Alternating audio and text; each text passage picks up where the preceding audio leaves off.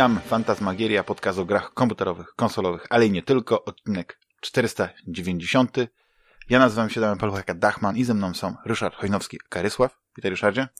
Witaj Damianie, witajcie wszyscy drodzy słuchacze oraz witaj drugi gościu, którego nie mogę powiedzieć, bo to Damian No tak, jeszcze jest z nami Rysa, e, Rafał e, Siciński, aka Sik. Witaj Rafale. Cześć Damianie, cześć Rysław, dobry wieczór, cześć, dzień dobry Cześć Rafale, te, te, teraz mogę powiedzieć. ja mam taką na wstępie, chciałem coś takiego powiedzieć, że z tego miejsca Ci Rysław serdecznie podziękować, bo ja na Fantasmagierii jestem dzięki Tobie. E, to znaczy, tam mój kolega Jerry mi podesłał e, link do, do Fantasmagierii, ale ja e, zacząłem go słuchać e, tylko wyłącznie dla ciebie, dla, dlatego, że ty tam byłeś, bo ja cię znałem już wcześniej z jakichś podcastów i przede wszystkim z loadingu. Będę zazdrosny tutaj I o mówię, o kurczę, tutaj jest Ryszard Chojnowski, to na pewno tego będę słuchał. I pamiętam, że w ogóle pierwszy podcast, jaki słuchałem, to właśnie byłeś tam też gościem, czy tam współ, współprowadzącym, także dziękuję ci bardzo. Oj, to nie, aż nie wiem co powiedzieć. Zatkało mnie. Naprawdę, to bardzo, bardzo miłe. Dzięki. Sponsowiałem niczym róża. Ryszard e, ma bardzo pozytywny e, wpływ od wielu lat na, na polski podcasting o grach. Ale my się z Ryszardem znamy tyle lat, że możemy sobie słodzić i, i tak sobie nie przesłodzimy, bo E, doceniamy chyba to, co tak. robimy. Mam nadzieję. Tak, tak, tak, tak sobie też posłodziłem. Zdecydowanie tak.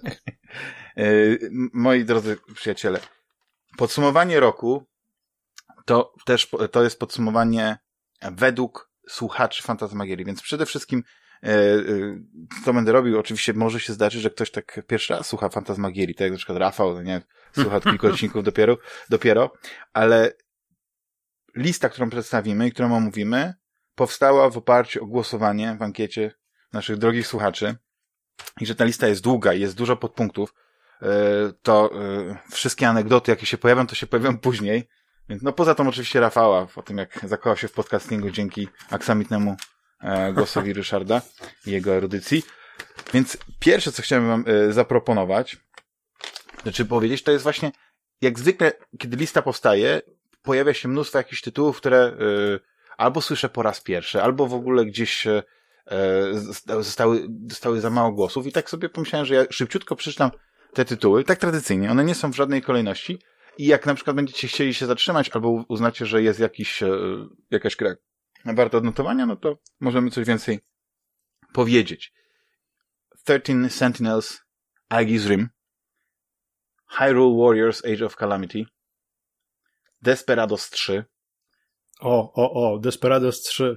Bardzo, bardzo fajna gra. Znaczy, grałem tylko w demo, ale to mhm. jest dobra informacja, bo to jest gra, która właśnie pojawiła się na Game Passie. O, I, no i super. I bardzo zachęcam do sprawdzenia, bo jeśli ktoś lubi starych komandosów, jeśli ktoś lubi Robin Hooda, jeśli ktoś lubi oczywiście poprzednie części Desperados, no to jest gra właśnie w tym stylu. E, bardzo, mhm. bardzo sympatyczna gra, e, logiczno-strategiczno RTS-owa.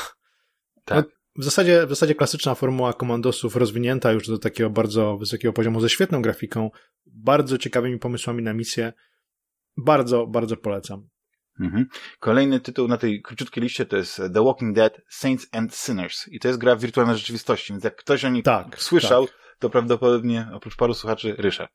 No, grałem przez chwilkę, grałem przez chwilkę w nią, bo y, wciągnęła mnie inna gra, która jest u mnie bardzo wysoko.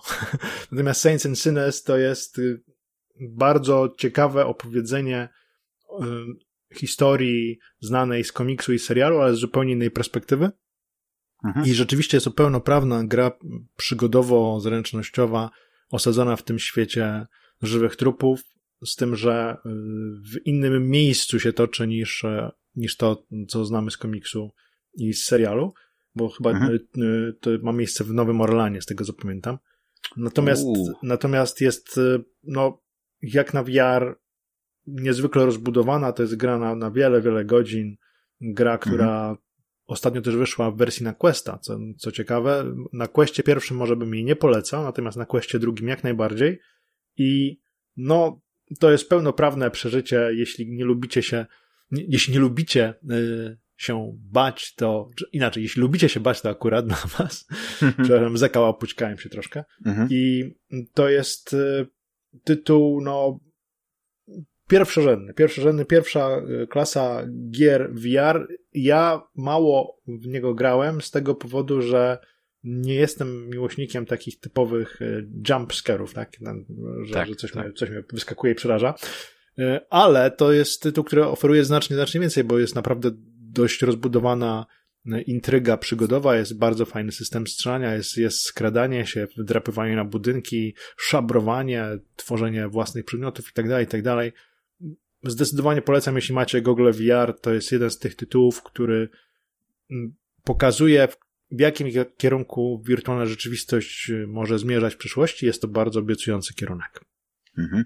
Cloudpunk, y, taka mała gierka przygodowa, Total War Saga Troy, Call of the Sea, to jest gra, którą e, Ryszardzie polecałeś i ona też chyba jakoś niedawna jest chyba w też w Game Passie. Ona jest w Game Passie od jakiegoś miesiąca i ja ją bardzo serdecznie polecam, bo to jest zupełnie nowe podejście do opowiadania historii Lovecraftiańskich, mhm. gdyż pokazuje mitologię Cthulhu z innej perspektywy, nie takiego mroku, przygnębienia, desperacji, mhm. zagubienia, wszystkiego co najgorsze, czeka nas zagłada i koniec świata z powodu tak. nadejścia wielkich przedwiecznych, tylko pokazana jest inna opowieść w zupełnie innej otoczce i w takim, no...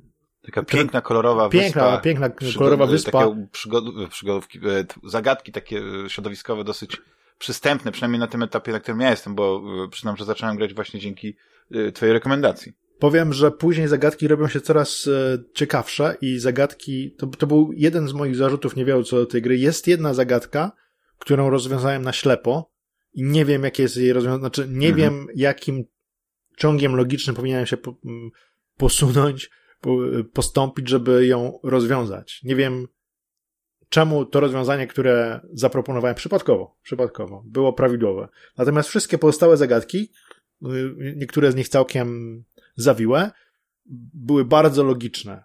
Z mojego punktu widzenia, bardzo fajnie się je odgadywało i to i dla mnie był idealny poziom trudności, że taki moment, aha, to to trzeba zrobić.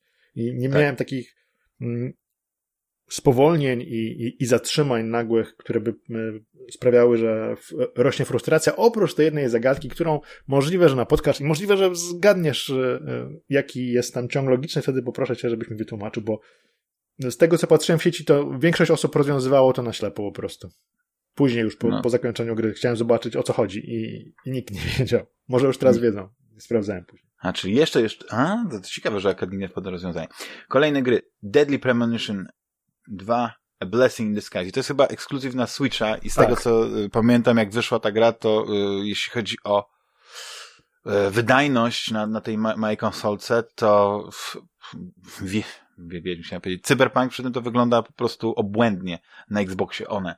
Tutaj niestety dali ciała chyba. Nie wiem, czy to udało się im naprawić, ale z tego, co, co, co widziałem, to, to ta gra jest niegrywalna.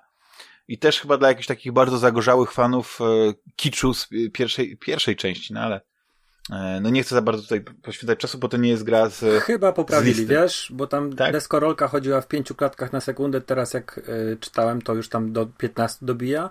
Ale tak, to jest dla hardkorowych tam fanów Deadly Premonitions i, tak. i myślę, że to, to tylko do tej grupy jest celowana gra.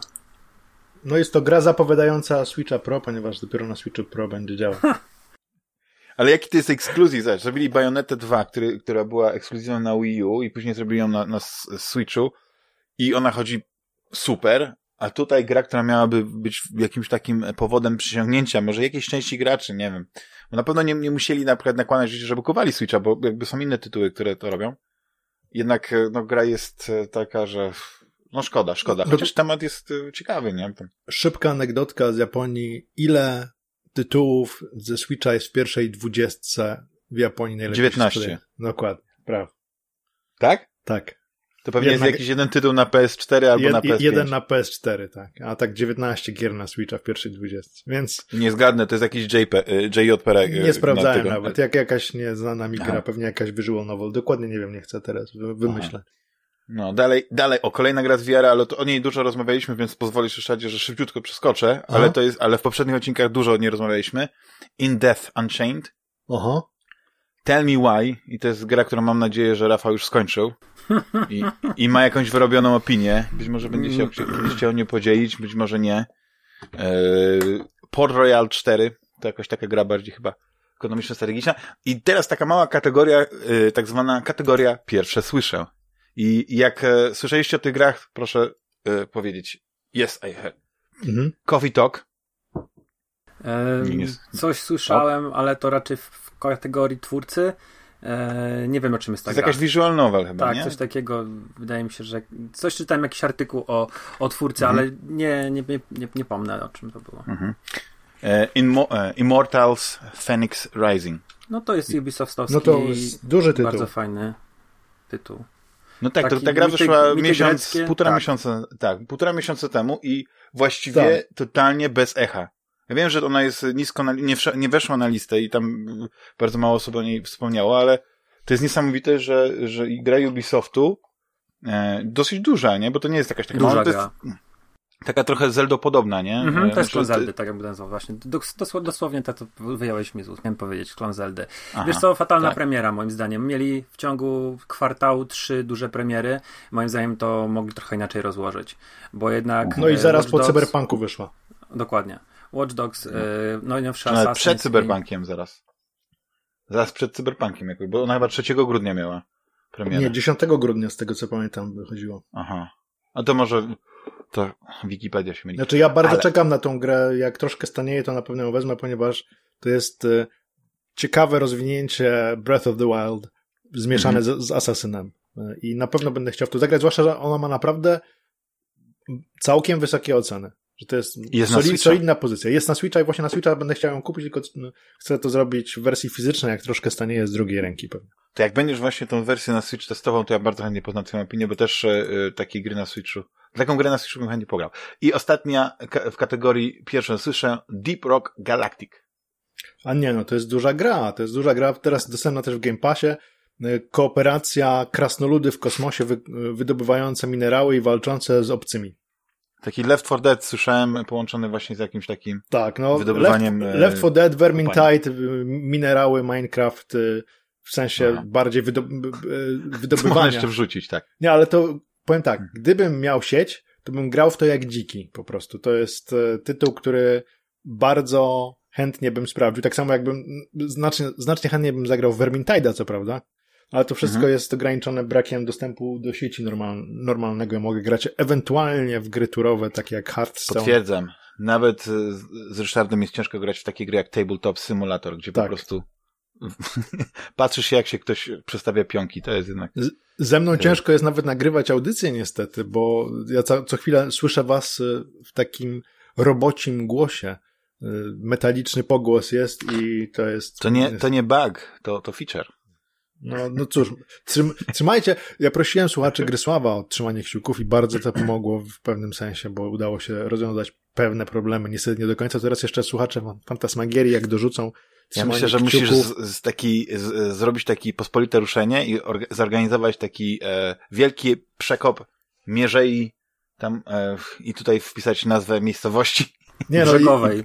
i przy, Powiem ci, że, Tak. ja, że w tej chwili, jeśli mogę 30 sekund dygresji, to Tak. czekam po prostu na, na to, aż zostaną udrożnione studzienki na ulicy, która jest równoległa do mojej ulicy. Tam jest pięć niedrożności. Niestety trzeba zamykać część ulicy. Więc e, może potrzebują z właśnie mojego- to zrobić w jakiś z mojego powodu dynamitem, będzie, no? I będzie dlatego. zamykana ulica, co nie jest prostym e, przedsięwzięciem.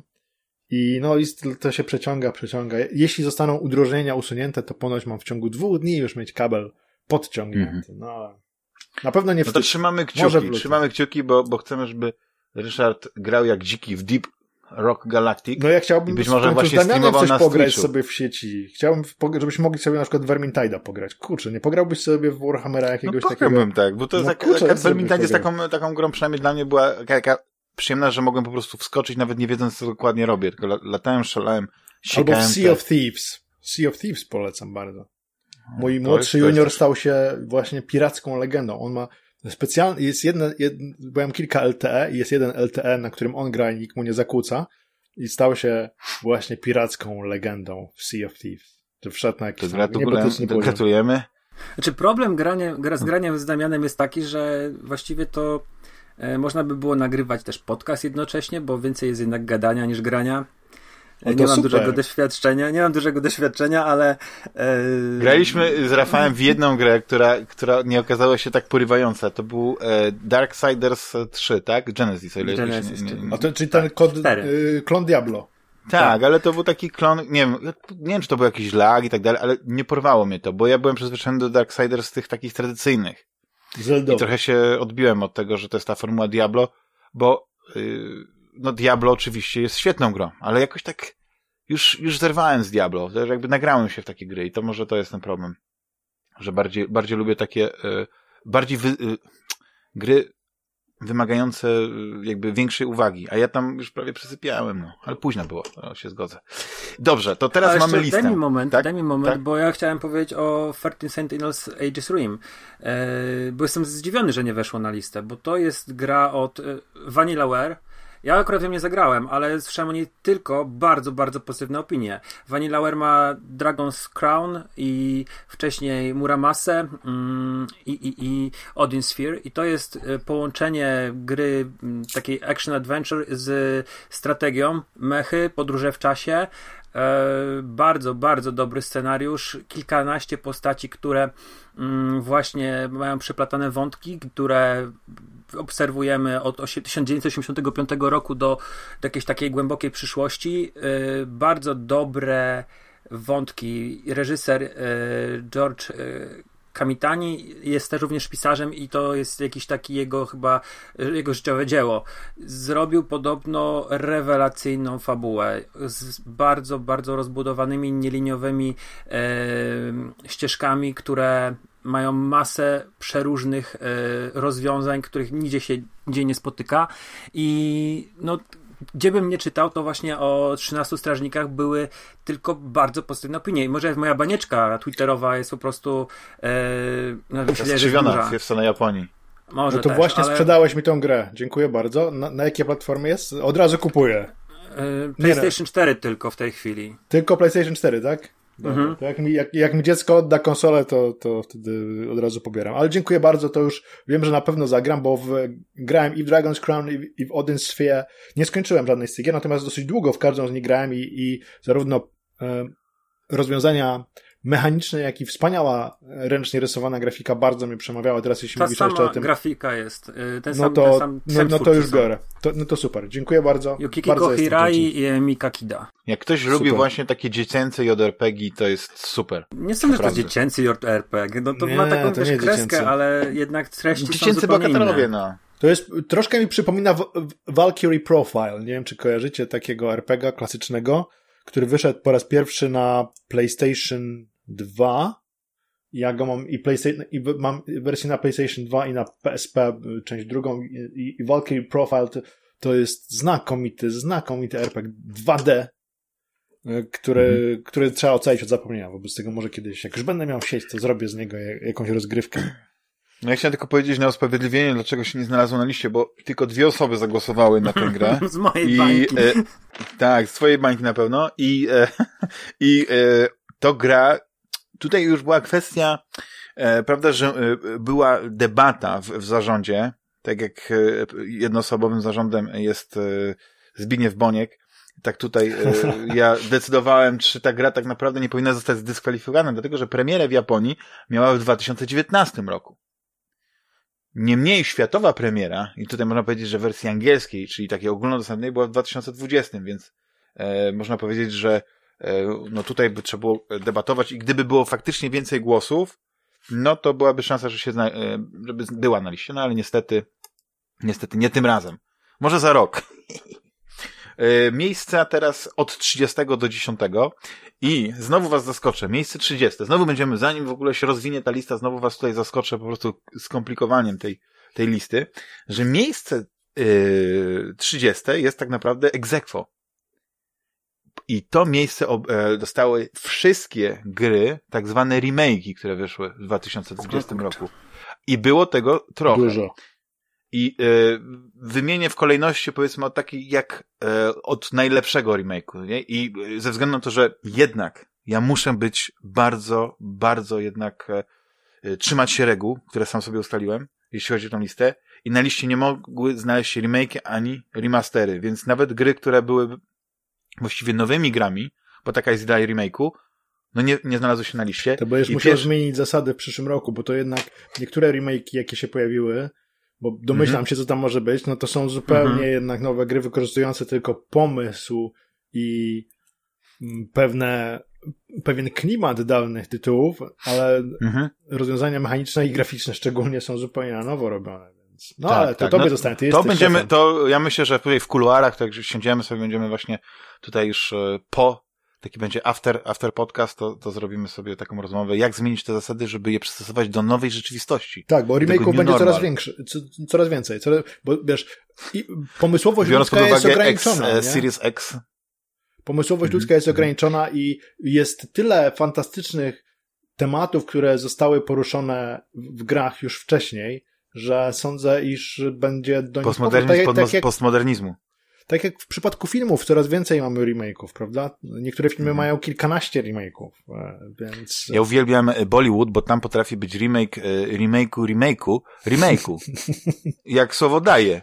Fi i, to, i, bo to jest na przykład film, który polecałem, nie wiem, czy, czy, czy no ale tak sobie sprawdzicie w nawet nie będę mówił jakiego tytułu, żeby nie mieszać, ale to był remake filmu hiszpańskiego, ale już wcześniej był remake e, w języku tamil, e, gdzieś dwa lata wcześniej zrobiony, więc oni ten, ten film trzeci czy czwarty raz robią tam na ten rynek, więc naprawdę nie bójmy się remake'ów, ale ta lista wygląda tak. Pierwsze miejsce, Final Fantasy VII Remake.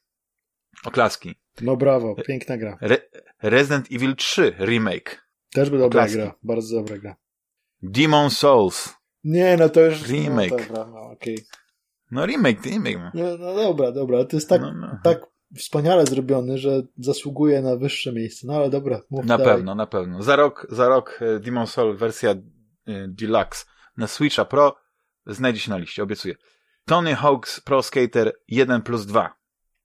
No, Okej, to bym się zgodził, że na przykład taki Tony Hawk mógłby być tutaj na 30 Nową miejscu, grą. natomiast no Final Fantasy VII, czy no to, to jest zupełnie nowa gra, to ma tylko postaci... tak, Final Fantasy VII jest nową grą, no, zupełnie, zgadzam się. To jest nowa gra. Mam nadzieję, że będziecie protestować, drodzy słuchacze, i że zapłoną komentarze w gniewie.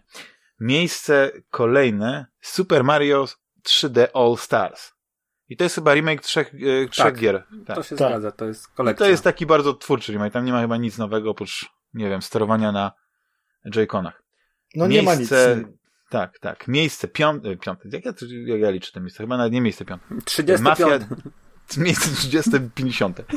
Mafia Definitive Edition. I, i tutaj e, bardzo chcę zagrać w tę, te- w tę pierwszą część Mafii właśnie odświeżoną, bo to właściwie o, o, o tę część się rozchodzi, nie o całą trylogię. Miejsce kolejne e, Xenoblade Chronicles Definitive Edition. To też taki remake, właściwie to taka kopia. No, w- troszkę zostało zmienione Nie? tam. Nie? Jak grałem w to na, na, na Wii U, to jednak e, i bardzo dobrze wyglądało na Wii U. To teraz wygląda jeszcze Mhm. lepiej. I ostatnia na tej liście remasterów, taka, tak sobie wypisałem Command and Conquer, albo Command and Conquer Remaster. Bardzo dobra, bardzo dobra wersja. Fantastyczna wersja. E, Kupiłem ją i bardzo każdemu polecam miłośnikowi RTS-ów, a bo w ogóle, nawet jeśli ktoś nie, nie gra w RTS, a chciałby poznać kawałek growej historii, to zdecydowanie warto sobie tę grę lub to, e, bądź to przypomnieć, bądź to zapoznać się z nią od początku. I teraz wreszcie możemy przejść do tej listy wspaniałej, złotej. Miejsce 29, Crusader Kings 3. Nie znam, nie wypowiem się, ale z tego co wiem, w swojej kategorii to jest w ogóle gra pewnie w- w- świetna, fantastyczna, bardzo wysokie oceny. Ale chyba nikt tutaj z nas nie grał, więc możemy przejść. Znaczy to jest gra, która u mnie leży, cały czas oczekuję na zagranie, tylko ja się boję w nią wdepnąć, jeśli mogę użyć Mhm. takiego określenia, ponieważ jest to gra, która wiem, że jeśli zacznę w nią, w nią grać, to może mi pochłonąć bardzo dużo godzin i może mnie wciągnąć w swój świat tak e, zbyt mocno. Trochę się boję tego, bo to jest z, ze wszechmiar, z tego co czytałem i z tego co widziałem, kilka zapisów rozgrywek, no to jest coś akurat w- pode mnie. Dlatego aż O. boję się w to grać, bo to jest strategia historyczna. Trzymajcie fan- ten narkotyk z Dela tak, to jest tak, ja na całe szczęście nie mam, na, w ogóle jestem całkowicie odporny na wszelkie nałogi. Na razie nie, nie znalazłem żadnego nałogu. Znaczy masz który- jeden nauk. Jaki Kultura fizyczna. To, to nie jest nauk, jest... to jest dbanie o świątynię swojego ciała. Poza no tym, tak, no to jest styl życia, ale, ale, ale jesteś bardzo ale on do... skrupulatny, jeśli chodzi o pilnowanie ale harmonogramu. To od pewnego czasu, to od pewnego czasu, przez większość niestety swojego żywota i chciałbym tutaj małą odezwę dla słuchaczy. Nie czekajcie na ostatnią chwilę. Ja czekałem za długo, powinienem się wziąć za siebie znacznie wcześniej, a tak straciłem, mam wrażenie, mam wrażenie, że, straciłem kilkanaście lat swojego życia, yy, które teraz próbuję odzyskać. I nie róbcie błędu takiego jak ja, zacznijcie dbać o fizyczność swą y, wcześniej.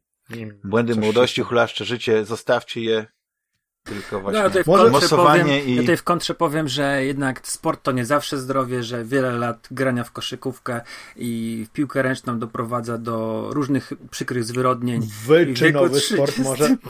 Rafał jest zwyrodnialcem. Ale wiesz, że, że, że, że, koszykówka i, i piłka ręczna, wspaniałe sporty, podejrzewam, że masz ponad 1,90 m wzrostu. W takim, Mam 1,88 m.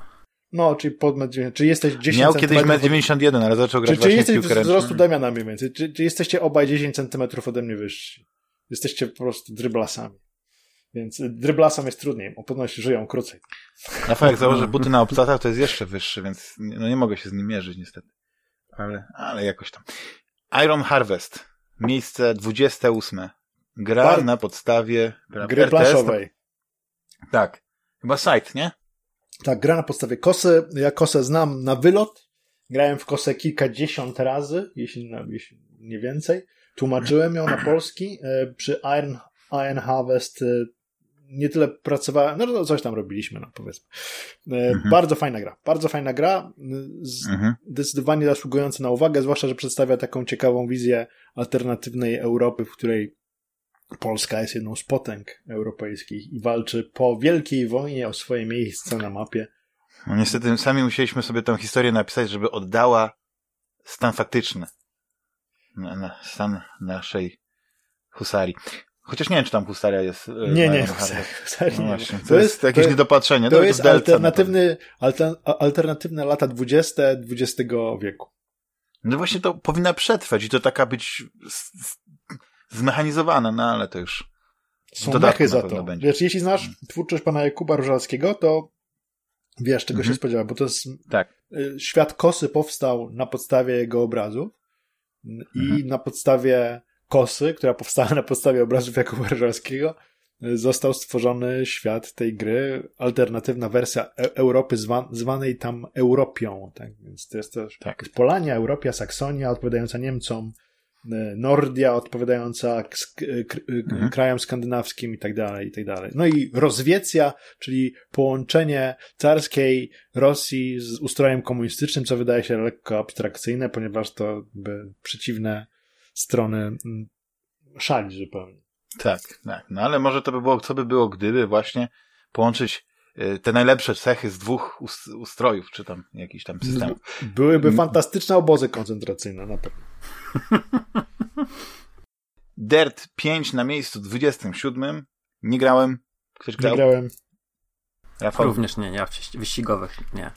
O, i teraz będzie gra, która na pewno przypadła do gustu Ryszardowi. Mi się spodobała i muszę przyznać, że yy, yy, pod względem jakby mechaniki te wszystkie rzeczy przyćmiły mi pewne inne e, fabularne elementy, które mnie tak średnio się podobały. To jest XCOM Chimera Squad.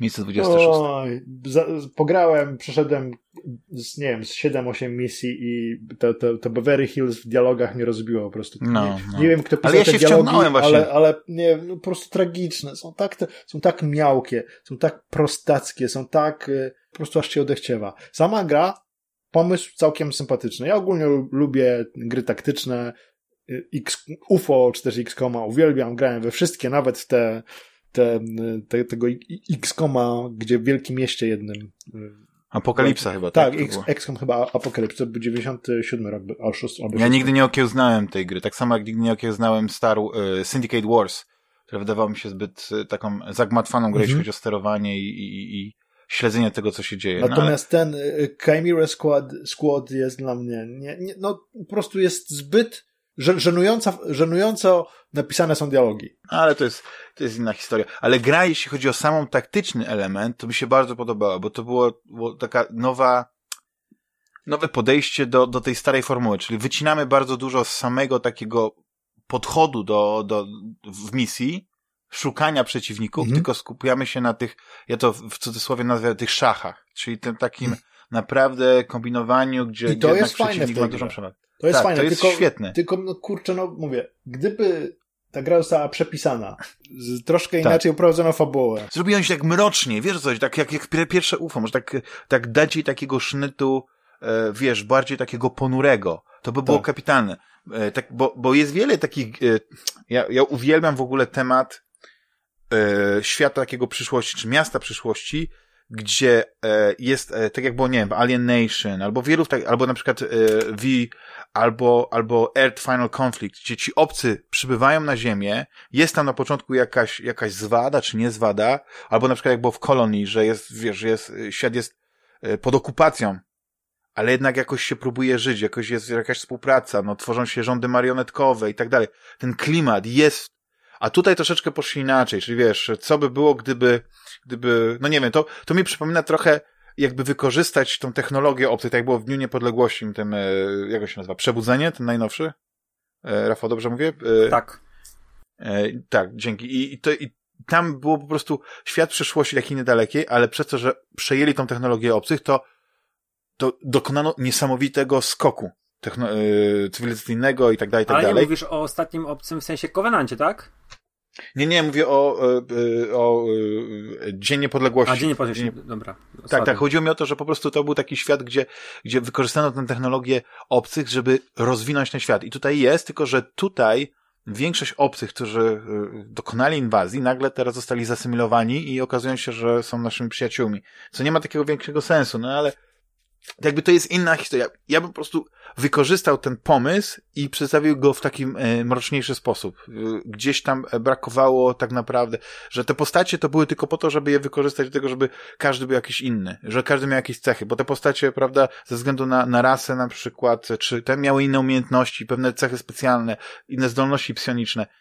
Ale z drugiej strony, to też nie miało znaczenia, bo, bo było wiele takich elementów, które wynikały na przykład z klasy, którą się wybierał, więc no to była gra, która fabularnie mogłaby być 100% lepszą, ale okazuje się, że, że no, tutaj dali nogę, ale mówię, jeśli chodzi o mechanikę, to ja się świetnie bawiłem i ja na przykład nadal bym tę grę polecił i to jest, to jest taki mały paradoks, ale bo, bo dużo nam czasu zeszło na, na, na grę. Kolejny tytuł, ja niestety nie miałem przyjemności, to jest Dreams, 25 miejsce. Również nie miałem. Ja miałem. Miałem przyjemność. To jest chyba coś do tworzenia, tak? To jest, tak, tworzysz... to jest od Media Molecule, czyli od autorów Little Big Planet. Gra, w zasadzie nawet nie tyle gra, co wręcz cały silnik, całe narzędzie, cała platforma do robienia własnych snów, bo to nie tylko mogą być gry, to mogą być dema, to mogą być obrazy, to mogą być mm, dźwięki, to mogą być, no to wszystko. W Dreams możesz stworzyć wszystko. Ktoś, widziałem, z, zrobił VR-ową wersję Beat Saber w Dreams znaczy, z, z, zrobił Beat Saber w Dreams, yy, korzystając z tej opcji VR-u, która też jest właśnie w tej grze, czy też narzędziu dostępna. To jest coś nieprawdopodobnego. Ja przeszedłem tryb fabularny i chciałem się w to zagłębić, tylko że to jest, wydaje mi się, tytuł, który wymaga takiej, takiego pełnego poświęcenia się mu przez dłuższy czas, bo troszkę mnie przytłoczył, jeśli chodzi o swoje możliwości. Bo przeglądałem sobie oczywiście na, na samym początku to było. Podejrzewam, że ta biblioteka teraz jest większa. Biblioteka właśnie, bo przyglądałem, zobaczyłem, co tam ludzie robią. Już wtedy było to wręcz niewiarygodne, jakie niesamowite kreacje są ludzie w stanie stworzyć dzięki Dreams.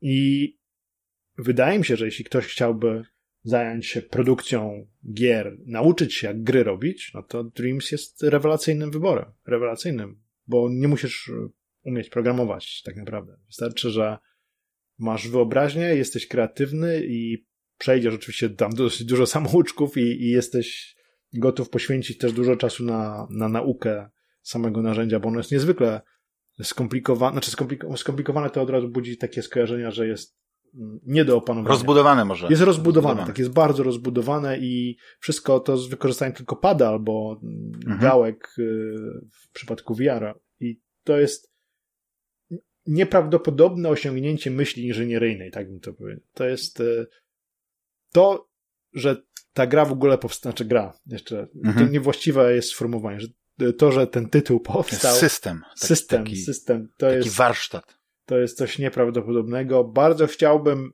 mieć y, tyle czasu i zacięcia, żeby się w to wgryźć, bo mam parę pomysłów mhm. growych, ale nie wiem, czy mi się uda. Natomiast wydaje mi się, że w moim przypadku na przykład będzie to chyba lepsze spróbować stworzyć coś Dreams niż na przykład zająć się Unity czy, czy Unrealem, bo to jest jednak przystępniejsze narzędzie i mhm. jeden z najważniejszych produktów moim zdaniem, jeśli chodzi o tworzenie czegokolwiek w ostatnich latach. Miejsce 24. Watch Dogs Legion. I chyba też jestem jedyną osobą, która grała w Watch Dogs Legion tutaj. Ja się. się cieszę z Watch Dogsów, bo tam jest reklama mojej firmy. O, no tak, no tak, tylko że chyba w tym kontekście niestety. Oj, tam, nieważne jak mówią, byle mówili, tak?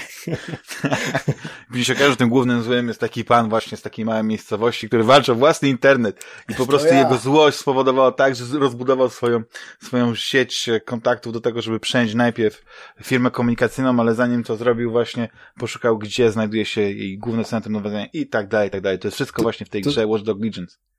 Cyberpunkowej. Dla, dla tych, którzy nie wiedzą, to moja firma, którą mam już od ponad 20 lat, bo w 99 roku, ja tak powiem, nazywa się Albion. I tak jest też ten, nazywa się główna e, organizacja przestępcza w Watch Dogs. Nazywa się Albion. Tutaj tak mówisz, widzę miejsce na jakiś pozew, taki o zniesławienie. nie no. Niestety... Tam Albion, bo tam akcja się dzieje w Londynie, więc to nawiązuje trochę tak, do, do tego. Albion to jest dawna nazwa, nazwa Anglii, prawda? To jest, dlatego nazwałem tak swoją firmę, bo tłumaczyłem z angielskiego, więc Albion to tak dumni synowie Albionu, to tak y, mówiło się właśnie. To, to jest pełna nazwa. Jakbyście w KRS-ie szukali, to jest właśnie dumna, dumni synowie z Albionu. nie, w KRS-ie jest Albion. Dobrze. Yy, miejsce 23 gra na VR Star Wars Squadrons. Nie tylko na VR, ale mi się nie wydaje, że VR, w tę grę tak. nie warto grać nie na, nie na VR-ze. I dla fanów e, i kosmicznych e, właśnie takich symulatorów, ale arkadowych i e, fanom Gwiezdnych Wojen chyba nie trzeba tej gry specjalnie reklamować. Dla fanów takich poważniejszych gier e, z głębszą treścią, jak na przykład e, Star Citizen albo Star Citizen Trzeba po prostu poczekać na Star Citizena. Albo zagrać w Elite Dangerous. Jeśli na przykład fabuła y, to jest y, coś mniej ważnego, y, ważniejsze jest doświadczenie, bo Elite Dangerous, które doczeka się dodatku Odyssey w tym roku, jest na wirtualnej rzeczywistości i to jest w ogóle coś niesamowitego, jak ta gra, jaka imersja jest właśnie w, w goglach, jak się gra w ten Elite Dangerous. No ale Elite Dangerous nie znalazło się na liście, bo wiadomo, to już jest stara, stara gra. Ale miejsce 22 na pewno was ucieszy, to jest Spirit Fire. Mhm. Fire. O, Rafał się odezwał. Tak, bo u mnie to jest w topce, tak? Bo musiałem swoją stopkę, topkę zrewidować, skoro e, Final Fantasy mhm. VII Remake uważasz, że nie zasługuje na bycie na liście i ja się bardzo dobrze bawiłem przy tej grze. To jest yy, zarządzanie, chyba nie zresztą opowiadałem, to jest zarządzanie statkiem, mhm. który przewozi mm, duszę przez yy, no no, na drugą stronę, o, może w ten sposób. I wykonujemy jakieś zadania dla nich, takie ostatnie jakieś y, prośby spełniamy. Poza tym na tym statku mamy różnego rodzaju lokale, gdzie produkujemy pewne rzeczy, żeby sobie naszą łajbę rozbudowywać. Ale bardzo przyjemna, bardzo e, taka mm, do relaksowania się to nie jest jakiś taki mhm. sim, gdzie, gdzie adrenalina nas pędzi i, i nie, nie nadążamy na, e, z tymi wszystkimi wskaźnikami i, i jakimiś ewentualnymi rzeczami, które się dzieją. Tutaj możemy sobie bardzo spokojnie, relaksująco spędzać e, czas. Mhm. Miejsce 21. Ja, przepraszam, chciałem tak. tylko dodać jedną rzecz, że właśnie pojawiło się w Game Passie, więc każdy może zagrać. Tak, tak, jest Spirit Fire w Game Passie, dokładnie. Miejsce 21. Call of Duty Black Ops Cold War. I ja powiem, że mnie się ta gra podobała. Ja bardzo lubię Call of Duty. Jeśli chodzi o fabułę, to zawsze jest taki hit and miss. Powtarzam się, ale ostatnie dwie Call of Duty przed y, Cold War, które mi się podobały, to jest Infinity Warfare i World War II. E, Cold War ma to do siebie, że jest, y, prawda, dzieje się w akcja w latach 80., są odwołania y, oczywiście do, do też do, do wojny w Wietnamie i tak dalej, ale ta gra ma ciekawy twist i myślę, że, y, że dla, dla samej fabuły jest warto w tę, tę, tę grę zagrać. A strzelanie samo w sobie jest naprawdę klasa, więc to jest na pewno gra dla, dla e, nie tylko ze względu na ten multiplayer, na ten Warzone i na to wszystko, co jest oczywiście e, dodatkiem, czyli e, tego trybu zombie i tak dalej. To jest też gra, która mnie rozczarowała, jeśli chodzi o instalację, bo nie wiem, czy wiecie, ale płytkę z grą, jak, jak się kupuje, to tak, najpierw musimy się zdecydować, to też nie wiem, czy wiecie, czy chcemy wersję zwykłą, czy zwykłą plus. Bo zwykła plus działa i na starym Xboxie, i na nowym Xboxie, ale na nowym Xboxie będzie miała ładniejsze tekstury. Wersja zwykła minus będzie działać na nowym Xboxie, na starym Xboxie, ale nie będzie miała ekstra tekstur na przykład. To w ogóle jest dla mnie paranojem, bo wersja plus oczywiście jest droższa. A i tak jak wkładamy płytkę do napędu, do naszej konsoli, to to, co się instaluje, to jest tylko jakiś prosty z botami tryb e, multiplayer. Fabuła musi się ściągnąć, to jest jakieś, nie wiem, 60 giga i tak dalej, dociąganie, to jest w ogóle koszmar. Więc wydanie tej gry na płycie to jest, to jest jeden wielki żart Activision. Ale sama gra jest fajna. Panowie, no to jest, mamy już e, miejsca do 21, więc e, możemy teraz przejść do tak zwanej, tak zwanej e, popkultura, popkulturalnej kategorii, gdzie każdy z naszych drogich słuchaczy ankietowanych mógł wyrazić no, krótką opinię, co mu się podobało w tym roku i dlaczego. I kwestia jest taka, że tutaj jest większy rozstrzał jeśli chodzi o, o różne, różne y, tytuły, no bo jednak e, wiadomo, że jeśli chodzi o gry, to, te, to jest z czego wybierać i przeważnie większość osób gra w te tytuły jej. Tu mamy tak, że mamy kilka gier planszowych, mamy kilka seriali, e, filmów, więc e, ja starałem się z tego, co drodzy słuchacze nadesłali, zbudować właśnie taką krótką listę. Nie wiem, czy będę mógł wszystkie komentarze przeczytać, albo nawet część, ale zaznaczyłem sobie te, które Wydaje mi się, że e, warto. Więc tak, jeśli chodzi o tą e, e, kategorię popkulturową, to e, najczęściej pojawiał się Gambit Królowej, serial. I ja ten serial obejrzałem.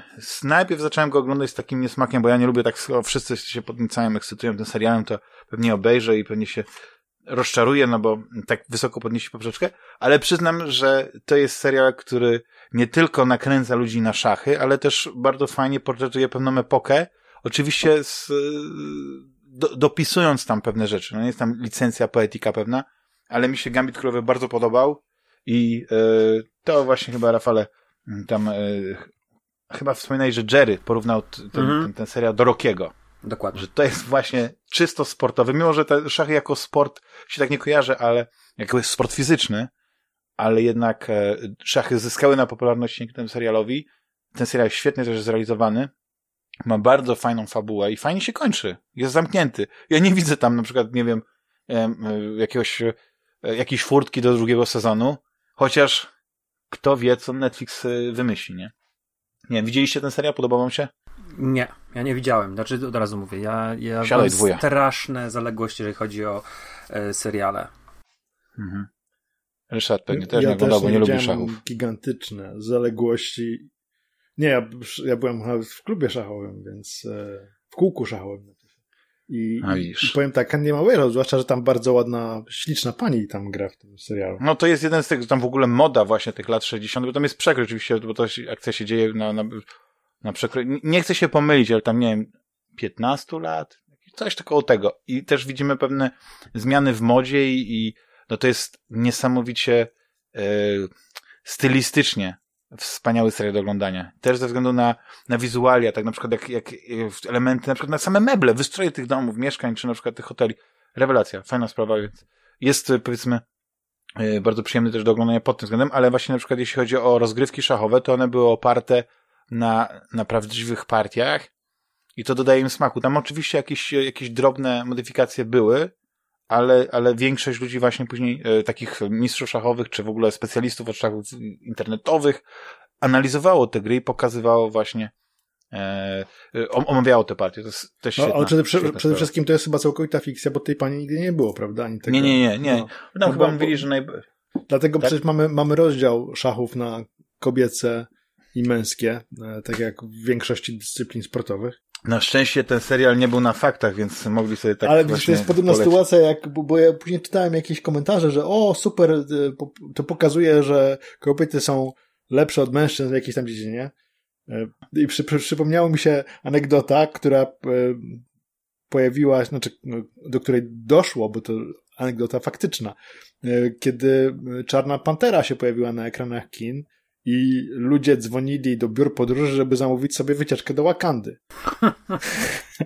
To już jest e, kwestia pewnej, pewnej grupy ludzi, którzy, którzy nie rozniżają e, wiesz, tej rzeczywistości od fikcji i myślą, że po prostu te, te filmy, wszystkie fabularne Disneya są na faktach, nie? Że, że jest właśnie gadający lew. Zwłaszcza tam w królew, tak właśnie.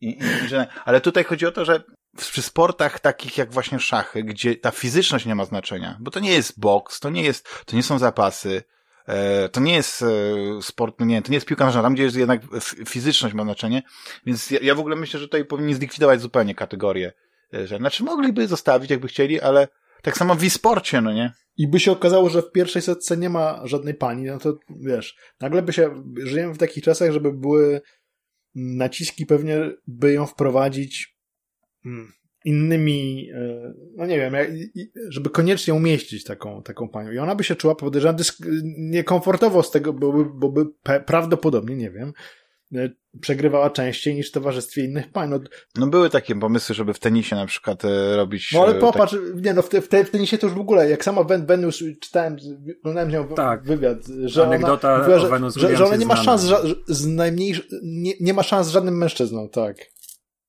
I to wiesz, to tak samo jak z koszykówką żeńską w NBA, gdzie yy, jakaś koszykarka zrobiła pierwszy wsad, wiesz, Wsad, w tak. sezonie, a gdzie chłopaki robią tak przed meczem kilkadziesiąt, nie?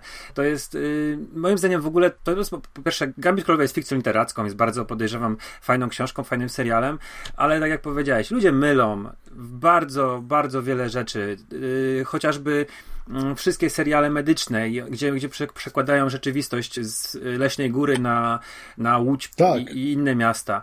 E, tutaj myślę, że nie ma sensu się specjalnie rozwodzić, bo no, niestety społeczeństwo bardzo dosłownie pojmuje popkulturę i w ogóle kulturę. Nie potrafi tego za bardzo rozróżnić.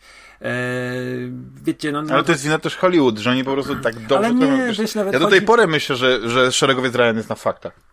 Ale wiesz, na przykład spójrz, spójrz na to, że y, to, to, to całe nagonki na Harry'ego Pottera, że tam są jaka, jakaś magia jest i to jest dzieło szatana, przecież to są, czy w ogóle wszystkie filmy, gdzie występuje jakiś element satanistyczny, to, to są i, i ludzie, którzy wierzą w to, oni naprawdę w to wierzą, że to jest y, no, jakaś tam ingerencja mocy, mocy nieczystych, że e, Dungeons Dragons e, sprowadza dzieci na stronę satanizmu, no to, to są prawdziwi ludzie, to nie są oszołomy, to są normalni ludzie, którzy są wykształceni, którzy po prostu nie rozróżniają fikcji od rzeczywistości. I to myślę, że na tym powinniśmy skończyć i się już tam specjalnie nie rozwodzić. No, No tak, tak, tak, bo to szkoda, szkoda naszego e, czasu na, na, na, tego roz, tego. Ale jest inny serial, który, no kto wie, e, no może byśmy chcieli, żeby byłby na faktach.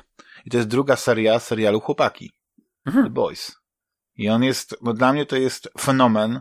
To jest jeden z powodów, dla których jeszcze y, te, temu Prime'owi, temu złemu Amazonowi e, wpłacę ten haracz.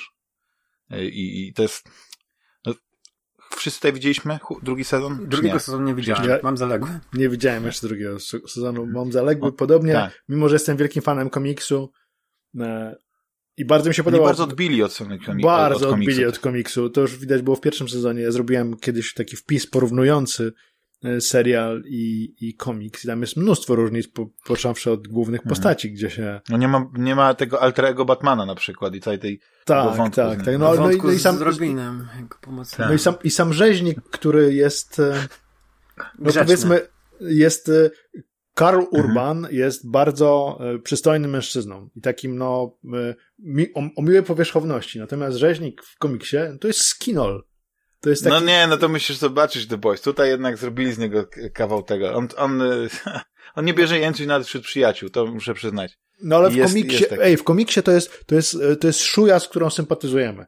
To, ale to jest szuja, to jest naprawdę szuja. Mm, Tak. A, a, a Ale już w końcówce, serialu, ostatnie tomy, tu się nie zgodzę, ostatnie tomy to już jest naprawdę bardzo, bardzo Do stąpanie po, nie, nie, stąpanie po, po takich, takim cienkim lodzie, że cała sympatia no, znika w pewnym momencie i zostaje po stronie Aha. Tyciego. No. Ale generalnie dobrze, że odeszli, mi się wydaje, że my mamy, jako jak czytaliśmy komiksy, to mamy y, na, na kanwie tego pomysłu mamy też fajną, fascynującą historię, która no, nie musi się pokrywać z tym, co jest w komiksie. My mamy dwie fajne wersje y, jednego tytułu i serial jest bardzo dobry i komiks jest rewelacyjny. Tak. Tak, komiks, komiks jest totalnie przegięty. Komiks jest wyjątkowo tak. komiksowy. Jest dużo bardziej hardkorowy i, to, i tak. chyba to, że on jest rysunkowy, że się tak wyrażę, no bo komiks, to tam sobie pozwalają na dużo więcej i na, na dużo... I też on był pisany jeszcze w takich czasach, że mogli sobie pozwolić na takie żarty, które mi się wydaje, że dzisiaj już by nie przeszły. I to jest też bardzo takie ostre. Ale, no, The Boys zdecydowanie warto. I tu jest, na trzecim miejscu jest coś, co mi się wydaje, że jest trochę zapomnianym fenomenem, ale tym fenomenem żeśmy żyli i to naprawdę bardzo długo. Rafał pamięta jako, 10 jako specjalista. tak, też. Tak, no. Jako specjalista od koszykówki na Fantasmagierii, taki właśnie ambasador też tego sportu i Chicago Bulls. Ostatni taniec. To jest najlepszy serial dokumentalny sportowy, jaki kiedykolwiek chyba został nakręcony. Ja mówię obiektywnie, bo oczywiście subiektywnie też tak uważam. E, każdy, kto oglądał ten, ten, ten serial, e, oglądał go na, na, na krawędzi fotela. Jedynie chyba osoby, które były tam w jakiś sposób sportretowane e, niekorzystnie, miały pewnie jakiś żal, ale e, on przypomniał, dlaczego kozą jest Michael Jordan, a nie LeBron James, czy jakiś inny mhm. zawodnik. I, I jednak to trzeba pamiętać też właśnie, to, to, bardzo mi się też podobało, bo był taki okres, że ja po prostu po, po lekturze tego serialu yy, tak wsiąkłem i przez, przez y, kilka tygodni, parę miesięcy yy, nadrabiałem zaległości właśnie z NBA. Tam pytałem Rafała o pewne rzeczy. Przeglądałem sobie ten ten program taki, y, gdzie komentują y, koszykówkę i różne rzeczy z nią związane, gdzie jest Barkley, tam czas Barkley i, i Shaquille O'Neal mhm. i te wszystkie takie śmieszne scenki i po prostu płakałem ze śmiechu to oglądałem, bo tam była naprawdę no, rewelacja. I trochę mi się ten, ta koszykówka, ta starsza, no nie przypomniała, jak ona wyglądała, jak, jakoś tak bardziej mi się podobała niż dzisiaj. Dzisiaj mamy bardziej taką europejską Kurczę, koszykówkę. Muszę, muszę to obejrzeć. Nie widziałeś nigdy, Ryszardzie, to po nie, prostu nie, wiesz, ale to, ucztę cię czeka. Aż, aż wstyd, wiesz, bo, bo ja powiem tak, ja dorastałem z Chicago Bulls, tak? To był ten czas. Tak. Ja byłem wtedy na studiach, u mnie całe, wiesz, ale jeszcze się spotykaliśmy na podwórku, bo nie było telefonów, nie było tak. sieci. I, I u nas wszyscy kochali Chicago Bulls. I ogólnie NBA, bo wtedy w telewizji się pojawiło NBA. I wiesz, mm-hmm. bo w Detroit był, w Pistons był Isaiah Thomas, tak? Ja zawsze lubiłem Isaiah Thomasa, bo on był najniższy. No on jest tutaj, wiesz, takim nie tyle, że czarnym charakterem, ale on yy, ma tutaj swój taki negatywny wątek. Możliwe. Związany właśnie no, z... Był Clyde, był Clyde Glide Drexler. Tak. Był Clyde Glide Drexler, był oczywiście y, y, cień y, Jordana, czyli Scottie Pippen, którego ja uwielbiałem, bo to, to co Scottie Pippen w, w którymś tam meczu słał. Nie był cień Jordana, to był równo, to był partner. Był, znaczy, to jest... był partnerem, ale bez Jordana, wiesz, Jordan mógłby istnieć bez Pippena, mam wrażenie, a Pippen bez Jordana trudniej. Ale był genialny, absolutnie genialny. To był, to, to co on potrafił zrobić, tak. jak, ta, ta jego dynamika wyskoku, Ach, no, Ale wiesz, co jest fenomenalne, że ten serial też pokazuje inne czasy. Pokazuje właśnie lata I dlatego 90. Ja go sobie chcę przypomnieć tak, tak wiesz, ale, no spokojnie. Ale wiesz co, ten, tak. Siądę i obejrzę musisz, całość. Musisz, musisz, bo on pokazuje też czasy, kiedy ci zawodnicy byli pod niesamowitą presją, ale nie było mediów społecznościowych. Bo kto wie, co by się stało z Jordanem. Jordan miał tą krótką przerwę, tam tam różne były spekulacje i ten serial się odnosi do pewnych spekulacji, mhm. ale, ale ża żadnej nie daje takiej wagi, żeby powiedzieć ten, on, on raczej jest, e, jak to się mówi, e, ugładza pewne, pewne wątki, które, które, które jakby plotki, które krążyły, tak, związane właśnie z, z Jordanem, ale gdyby to były dzisiaj social media, gdyby były dzisiaj media, które są żądne po prostu sensacji i, i nie biorą jeńców, to kto wie, czy, e, czy Jordan po prostu nie ugał się. Ta jego osobowość, no nie, na pewno wiesz, tego jego ego mogło na przykład by ucierpieć, gdyby on był non-stop bombardowany e, pewnymi e, wiadomościami. Ale on miał taki pewien parasol, mi się wydaje, ludzi, którzy o niego dbali i też tam jest cały ten wątek, prawda, jak on e, po prostu odszedł z NBA i żeby mu traktowany był jak król, mimo że odszedł, jak przeszedł do tej drużyny baseballowej, prawda, żeby, żeby mhm. no to, świetny serial, ale on pokazuje, prawda, jak powinno się robić seriale sportowe, jak jak powinno się układać historię, żeby po prostu ona wciągała. I to jest niesamowite, że oni mieli tyle materiału tyle, tyle archiwalnych nagrań, filmów gdzieś z szatni, że oni złożyli coś, co mogli przeplatać yy, prawda, yy, różne, różne wątki, różne historie właśnie z tymi rozmowami, z tak, te, te, te momenty z gadającymi głowami. No fenomenalne. To jest, to jest, to jest serial, który musisz w obejrzeć, no nie? Mi się wydaje, że większość naszych słuchaczy już na pewno obejrzała. Nie no, więc, obejrzę, jest... ja po prostu mam straszne zaległości filmowo-serialowe. Tak. Ostatnio, mm -hmm. tak. wiesz, przypominam sobie filmy z dawnych lat. Ostatnio na przykład kupiłem na iTunes Supermana trzeciego. Bo to był film, który oglądałem w latach 80., w 84 roku wszedł na. To był ten z Jimem Hackmanem i Richardem Pryorem? Nie, to z Richardem Pryorem, ale nie z Jimem Hackmanem, tylko z tym. Boże, już nie, Boże, nie pamiętam nazwiska. Wiem, że Jim Hackman grał Jim Hackman był w dwójce. Lex Luthora. E, ale tutaj nie ma Lex Luthora w ogóle. E, natomiast Aha. Superman trzeci to był pierwszy Superman, którego widziałem w kinie i to był pierwszy też Superman w polskich kinach w ogóle. I ja pamiętam, że, że chodziłem na ten film kilka razy. Teraz chciałem go sobie strasznie przypomnieć i tak e, Mhm. Ojej, ojej, jak on się nie, on, on jest, on jest mocno, mocno się zestarzał i te wiesz, te efekty specjalne, Ale, które już teraz to jest... Nam nie chodzi o efekty specjalne, tylko wiesz, ogólnie o, o dialogi, Wiesz, Wiesz to. Richard Pryor gra Richarda Pryora, mimo że on tam ma jakąś postać. On był niesamowicie popularnym wtedy e, aktorem tak. i, i, nie wiem dlaczego dali mu tę rolę, oprócz tego, żeby, nie wiem, podbić sprzedaż biletów w kinie, no ale no nie wiem, ja, ja dawno nie widziałem tej, tej części i yy, ja mam jakiś taki sentyment też do starych filmów, ale czasami nie wiadomo, czy warto sobie burzyć te, te wspomnienia yy, co do pewnych pewnej rzeczy.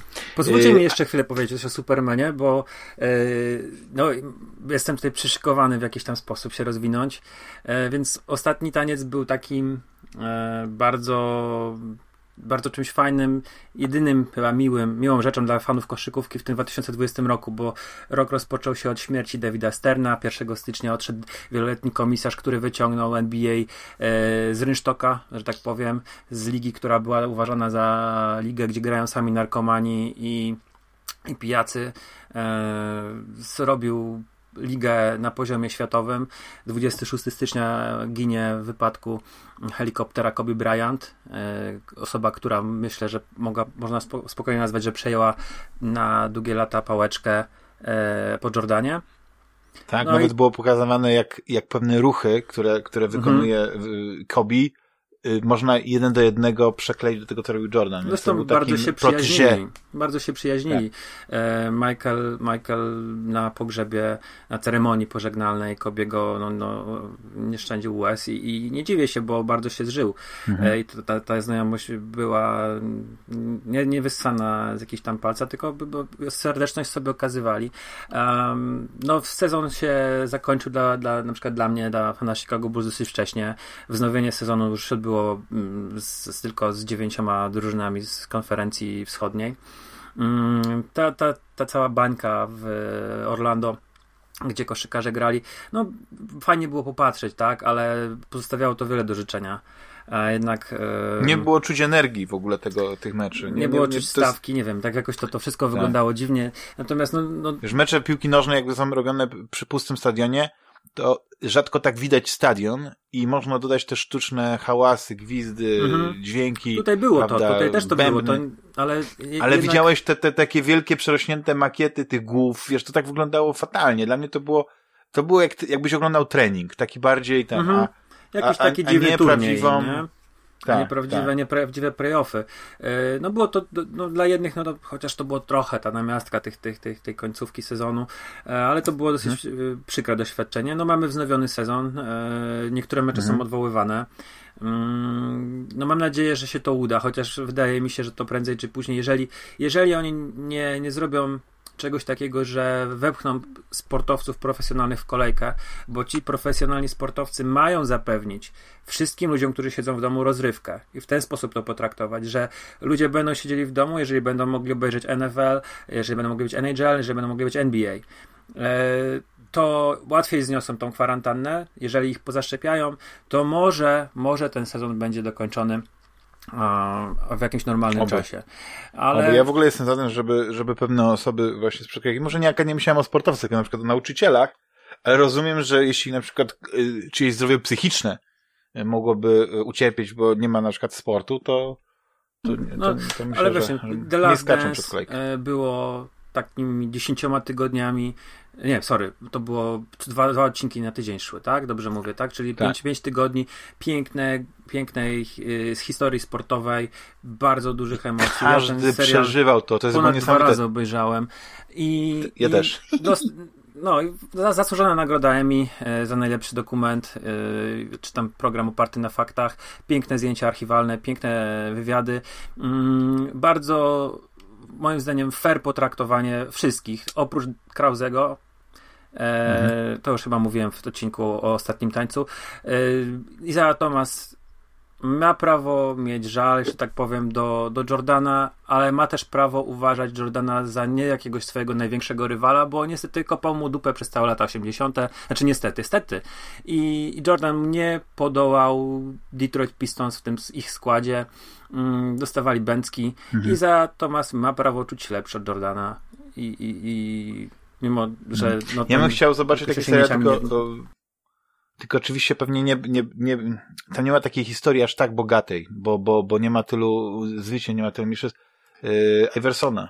Dla mnie to jest No fenomen. nie masz żadnego pierścienia chyba Iverson, ale dobrze kojarzę. No nie, nie, to jest E, taki moim zdaniem najbardziej, y, najlepszy zawodnik, który Z ma bardzo najmniej... słabą głową, wiesz, niestety. Bardzo dobry crossover, świetny, świetny dribbling. A... Ale właśnie to był, był piękny film taki, bo on miał ten taki moment, że mu tam uderzała sodówka, a później on się z tym trenerem pogodził Mhm. i, te, i zaczął go słuchać i, i wspiął się na wyżynę. Tylko, że on nie miał takiej może drużyny, na której mógłby więcej osiągnąć, ale przy tym swoim wzroście yy, naprawdę, gdyby on był na przykład, nie wiem, te 10-20 centymetrów wyższy, to, to, to on mógłby być właśnie w, w no, nie wiem, jednym z najlepszych właśnie. Na, znaczy był jednym z najlepszych i jest y, w Hall of Fame.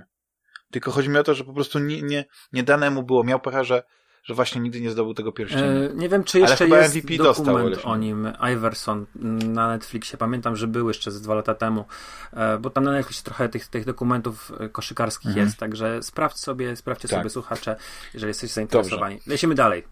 To ja po, tak, prze, prze- pozwolę właśnie przyspieszyć tutaj, bo jest jeszcze parę rzeczy właśnie jeśli chodzi o tę popkulturkę, tylko no nie będę chyba już tyle czasu poświęcał, ale e, parę osób na przykład wspomniało o e, filmie Gentleman i, i że to, i tutaj przytam, że Guy Ritchie wraca do swoich ulubionych klimatów, idealnie dobrana obsada z Hugh Grantem na czele.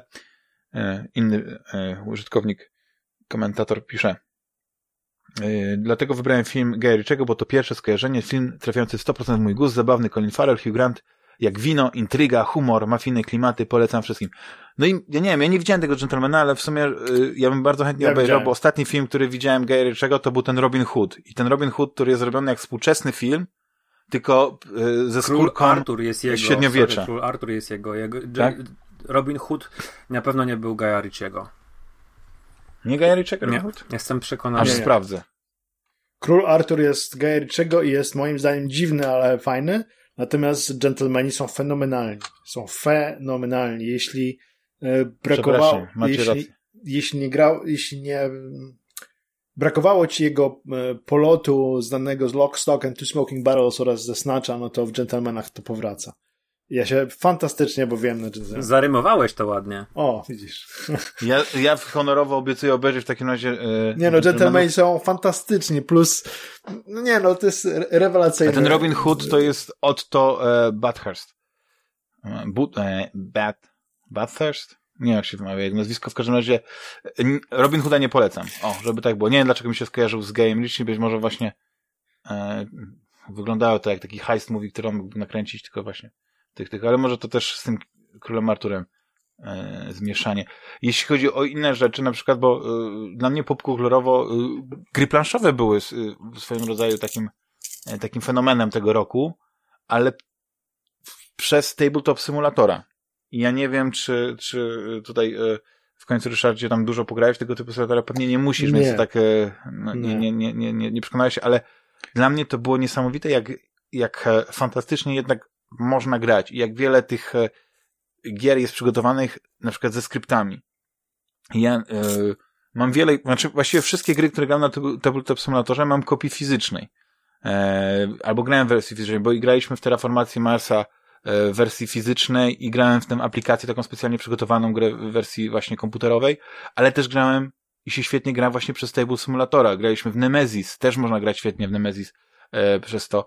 E, grałem w taką grę Legacy of Dragonhold, która jest taką grą paragrafówką, RPG, bardzo fajną. Jest świetna karcianka taka, e, taki, e, znaczy nie wiem, czy deck building, nie deck building, Undaunted Normandy. Kapitalna, właśnie taka na dwie osoby, oś kontra alianci, no po prostu świetna, prosta mechanika i wciąga. Naprawdę. Jak ktoś lubi właśnie takie gry strategiczne połączone z, z grą karcianką, karcianą, to jest, to jest rewelacja. I w ogóle teraz zacząłem, yy, yy, kupiłem sobie właśnie, dziękuję Ci Ryszardzie za polecenie, yy, Dune Imperium, mhm. ale też ma, trzymam folię, jeszcze nie wyciągnąłem z pudełka, bo na razie próbuję właśnie poznać zasady i pograć sobie przez Tabletop Simulator, dlatego że jest ta prostota z rozstawieniem gry e, z, z jakby trzymaniem porządku, z możliwością saveowania. Zacząłem grać w Gloomhaven, Jaws of the Lion. Już nie mogę się doczekać, aż, aż szczęki e, zostaną wydane w języku polskim, Ryszardzie, więc tam musisz przyspieszyć tę pracę nad, nad tym. Dobrze. Czy już nie wiem, czy skończyłeś się w jakim, jakim Nie, znaczy etapie? już część do druku poszła, ale jeszcze nie wszystko, więc... Ale sądzę, to że to jest wiesz, Gloomhaven, na który czekałem. No to jest, y, gdyby ktoś chciał zacząć swoją przygodę z Gloomhaven, no to jest najlepsza możliwość tak. ku temu. Zdecydowanie. Jaws of the Lion jest fantastyczna gra. Bo to jest gra, która jest jakby, y, jak to się ładnie mówi z angielskiego, takie piękne słowo streamlined. Czyli wiele tak. rzeczy zostało tak zrobionych, że jest łatwiej zacząć, ale te takie, jak to się mówi, rdzenne zasady, te główne zasady, są chyba identyczne, tylko mamy tak. mniej postaci y, startowych, Tu nawet nie o to chodzi, wiesz, tu chodzi o to, że przede wszystkim począwszy od pierwszej misji jesteś prowadzony za rękę, co masz robić. Jest, tak, pierwszy nawet... pięć scenariuszy jest tutar, y, tak zwany tutorialowy, takich szkoleniowych. I, I to jest bardzo dobrze przedstawione, przede wszystkim już nawet kiedy od, otwierasz pudełko, tam masz informację, a teraz weź y, ten pakiet kart, połącz, czy też umieść go w tym miejscu, jesteś prowadzony cały czas za rękę.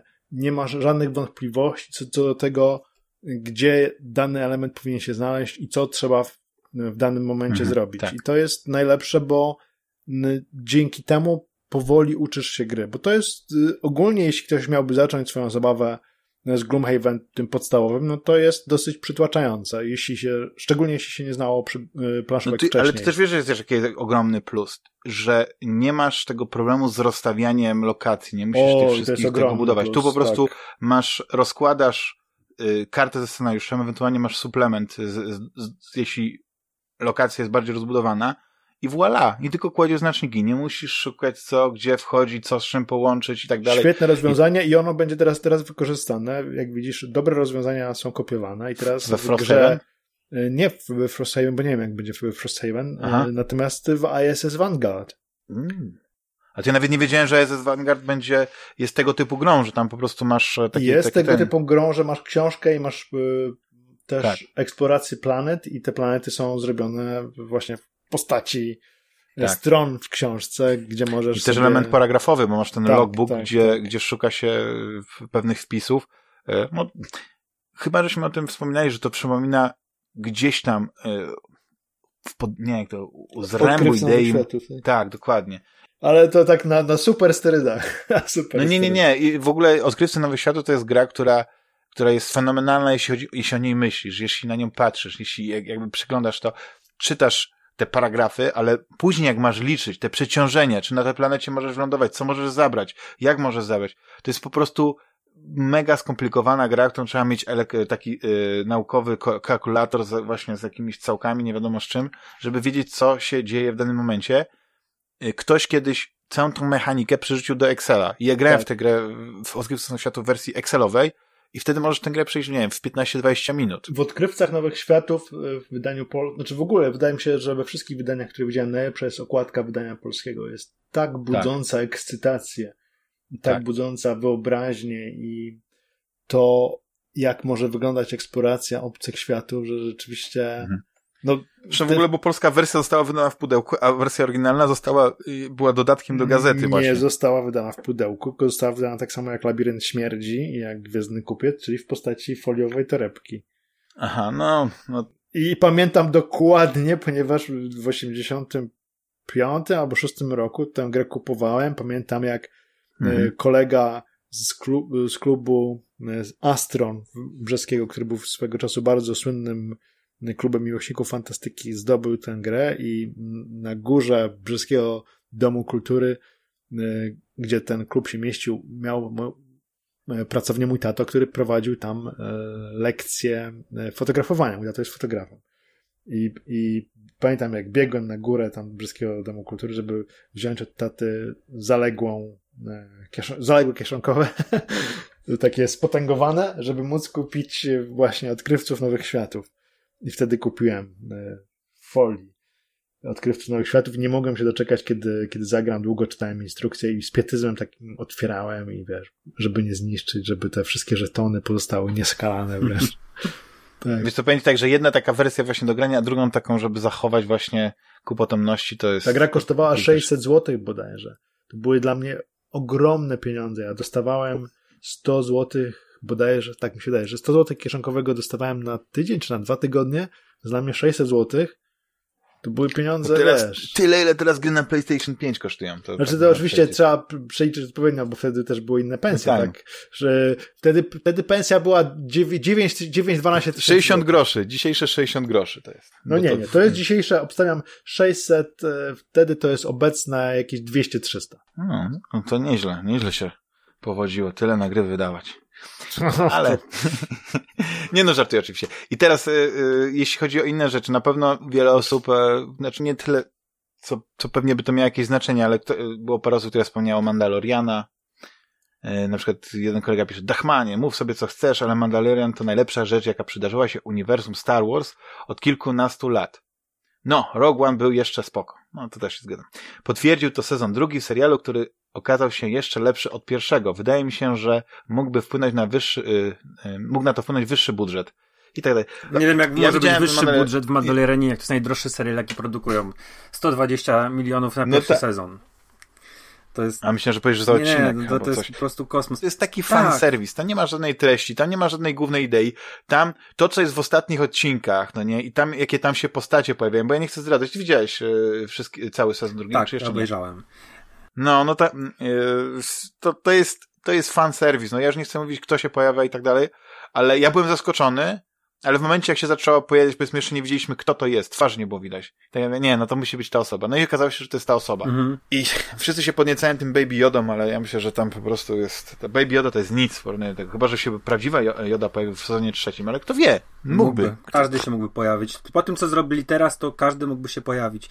Yy wiesz, to zależy, czego oczekuje się od Gwiezdnych Wojen tak naprawdę, bo dla jednych to jest y, Expanded Universe, dla innych to są bitwy y, gwiezdne, dla innych to są miecze świetne, dla innych to jest polityka. Każdy ma troszeczkę inny obraz Gwiezdnych Wojen. Tutaj mamy no, awanturniczo-przygodowy serial, który jest robiony od sztampy. Każdy jeden odcinek miał e, swoje odpowiedniki w dziesiątkach innych seriali i filmów, począwszy od Siedmiu Wspaniałych. Z lat 80.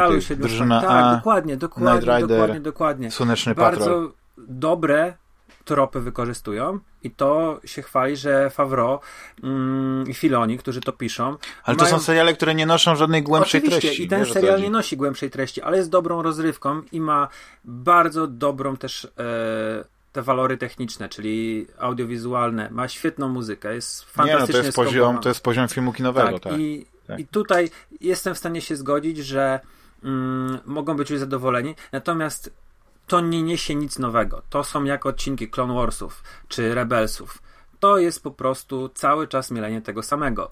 I może tego oczekujemy właśnie od Gwiezdnych Wojen, żebyśmy mieli ciągle ten sam komfort oglądania Gwiezdnych Wojen, tak jak epizodów 4 mm. i 6.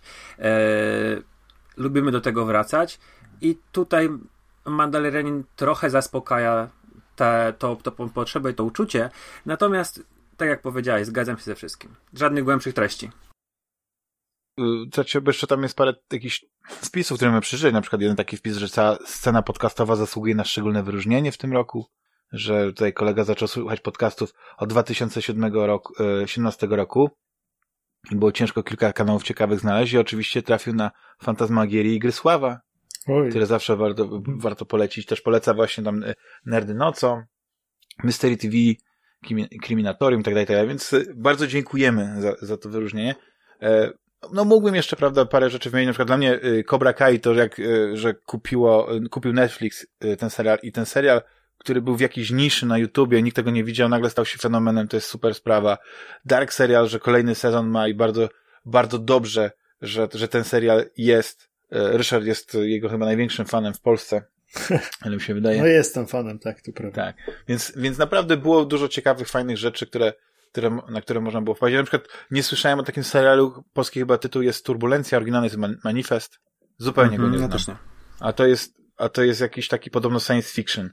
E, i, i, I ja już muszę sobie, y, prawda, później po, po, po tym nagraniu sprawdzić, co to jest, więc no jest dużo ciekawych rzeczy i mam nadzieję, że, że w tym roku, mimo, mimo tego, że jednak no, tak się dzieje, jak się dzieje, no nie? jeśli chodzi o produkcję filmową, to właściwie y, tylko w Polsce no nie jest taka y, tak zwana szkoła y, wegi, gdzie wiedzą, jak y, po kryjomu filmy kręcić.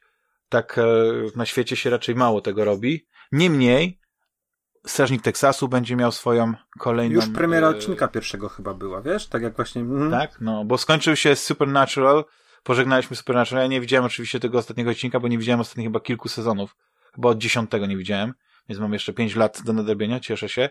Ale właśnie sam Winchester będzie teraz Chuckiem Norrisem, więc e, to jest, e, to jest jakaś ciekawa, ciekawa rzecz, ciekawa zmiana. Dobrze, ale rozkręciliśmy się, mamy coraz mniej czasu, a warto teraz przejść do miejsca dwudziestego. I miejsce 20. Jak, e, jak będzie trzeba, to będziemy o nich więcej mówić, ale musimy bardzo szybko jakby przeskoczyć teraz, żeby, żeby przejść do tej dziesiątki, Mhm. do tych naj, najważniejszych miejsc. Yy... A, widzę, że nie wymieniłem miejsca 21. Jak to się stało? Nie, dobrze, wymieniłem 21 miejsce, przepraszam. 20 miejsce Monster Train. I mi się Super wydaje, że ten, że Ryszard jesteś tutaj człowiekiem, który y, sprawił, że ten, y, y, że ta gra znalazła się na liście. Bo po, po, powiedziałeś o niej wielu osobom, między innymi mnie i ja przyznam się, że się strasznie wciągnąłem. I to taka e, wariacja, połączenie właśnie, to jest taki twist, co by wziąć na przykład z takiego Gwinta i co wziąć z, z takiego Slay the Spire i oczywiście z tysiąca innych karcianek i zrobić z tego powiedzmy coś ala nowego. I mi się bardzo ta gra podoba.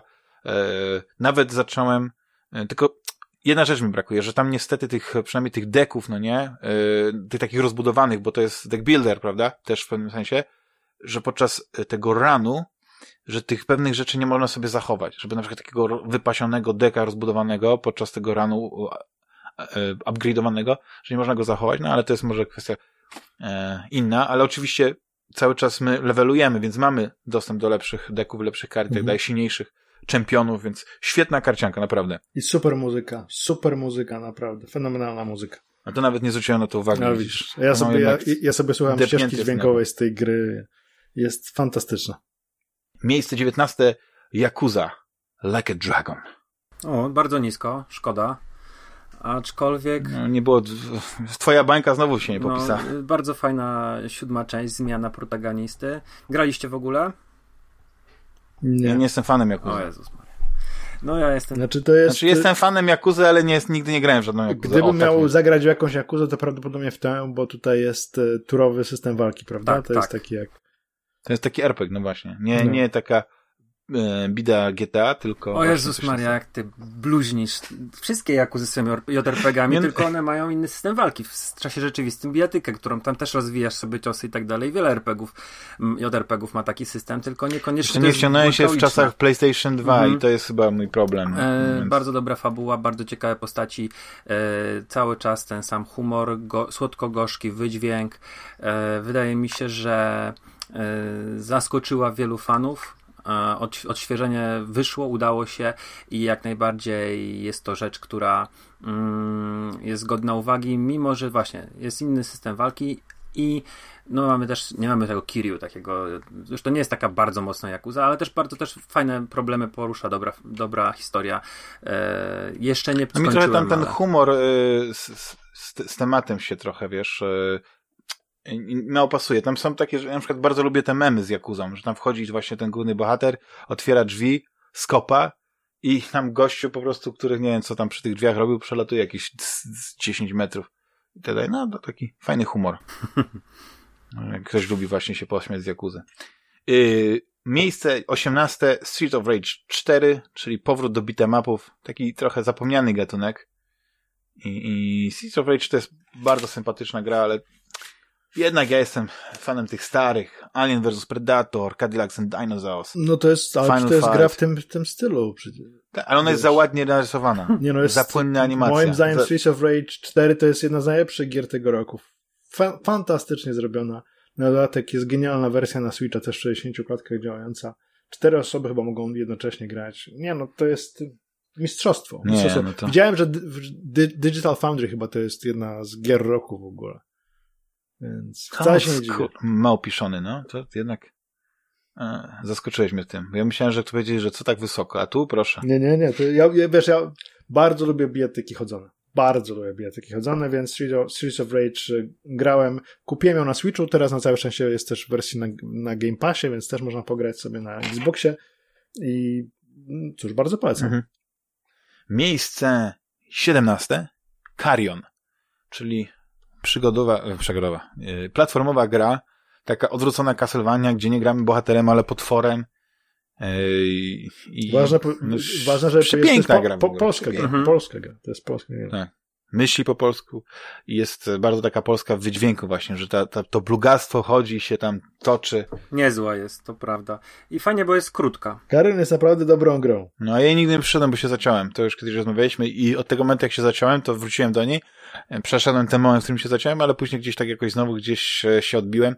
Jednak ten backtracking mnie strasznie zmęczył. Ja już jestem za stary na takie rzeczy, a poza tym jak się ma długą przerwę, to jest ciężko później wrócić, żeby spamiętać, co się robiło i tak dalej. Ale to, co zagrałem, to moje i jedna z naprawdę z, z fajniejszych, mm, pewnie z indyków to prawie najlepszy indyk w tym roku. Oczywiście było kilka lepszych, ale, ale to już jest taka ścisła czo- czołówka, takie top 5 indyków tym roku.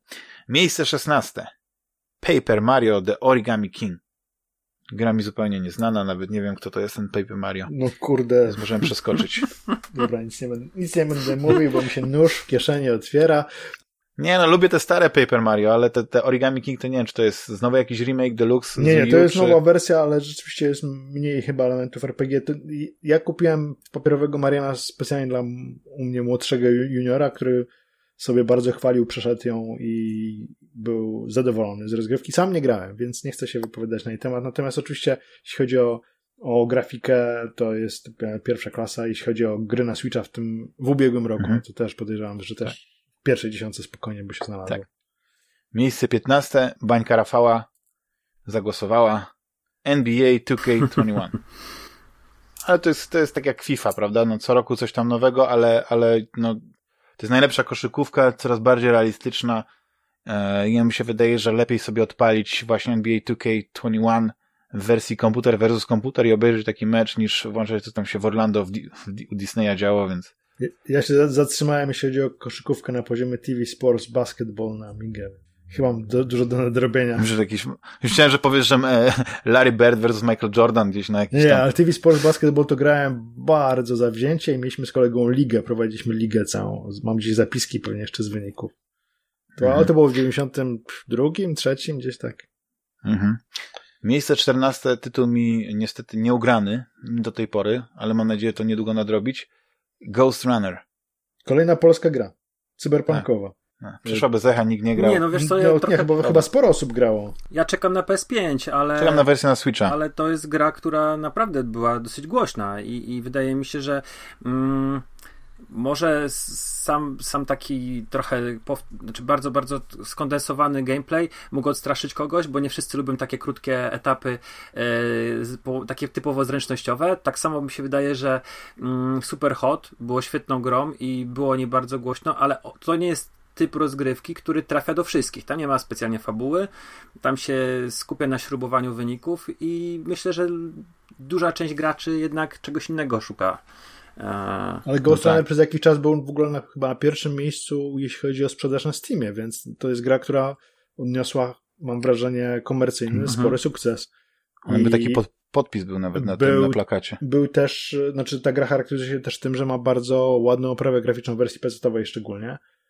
No, bo o wersji na Switchu to lepiej nie mówić, bo jest e, No jest, no. Jak, jest, Jest, Ark Survival jest. też jest na Switchu. tak. Nie no, nie nie jest tak źle, Switchu, jak, no nie? nie jest tak źle jak, jak Ark Sur- Survival, natomiast e, jest średnio. Jeśli możecie, to grajcie w tą grę na każdej tej platformie, a nie na Switch. Nie, w ogóle tam jest dopisek, jeśli chodzi o Ghost Runner, że to jest niepomój po, polskiej gry cyberpunkowej. Nie. Tak to, tak to wygląda, być może właśnie trochę ludzie o niej zapomnieli. Miejsce trzynaste, Gears Tactics. O, Bardzo mi się ta gra podoba, jestem wielkim miłośnikiem. bo ja lubię gry. gry taktyczne. Ja też, ja też. Także u, u mnie jest w piątce. U mnie jest Nawet piątce. ma fajną fabułę. W porównaniu do, do Gears 5 to w ogóle była, nawet byłem zaskoczony, jak ta fabuła mi się spodobała.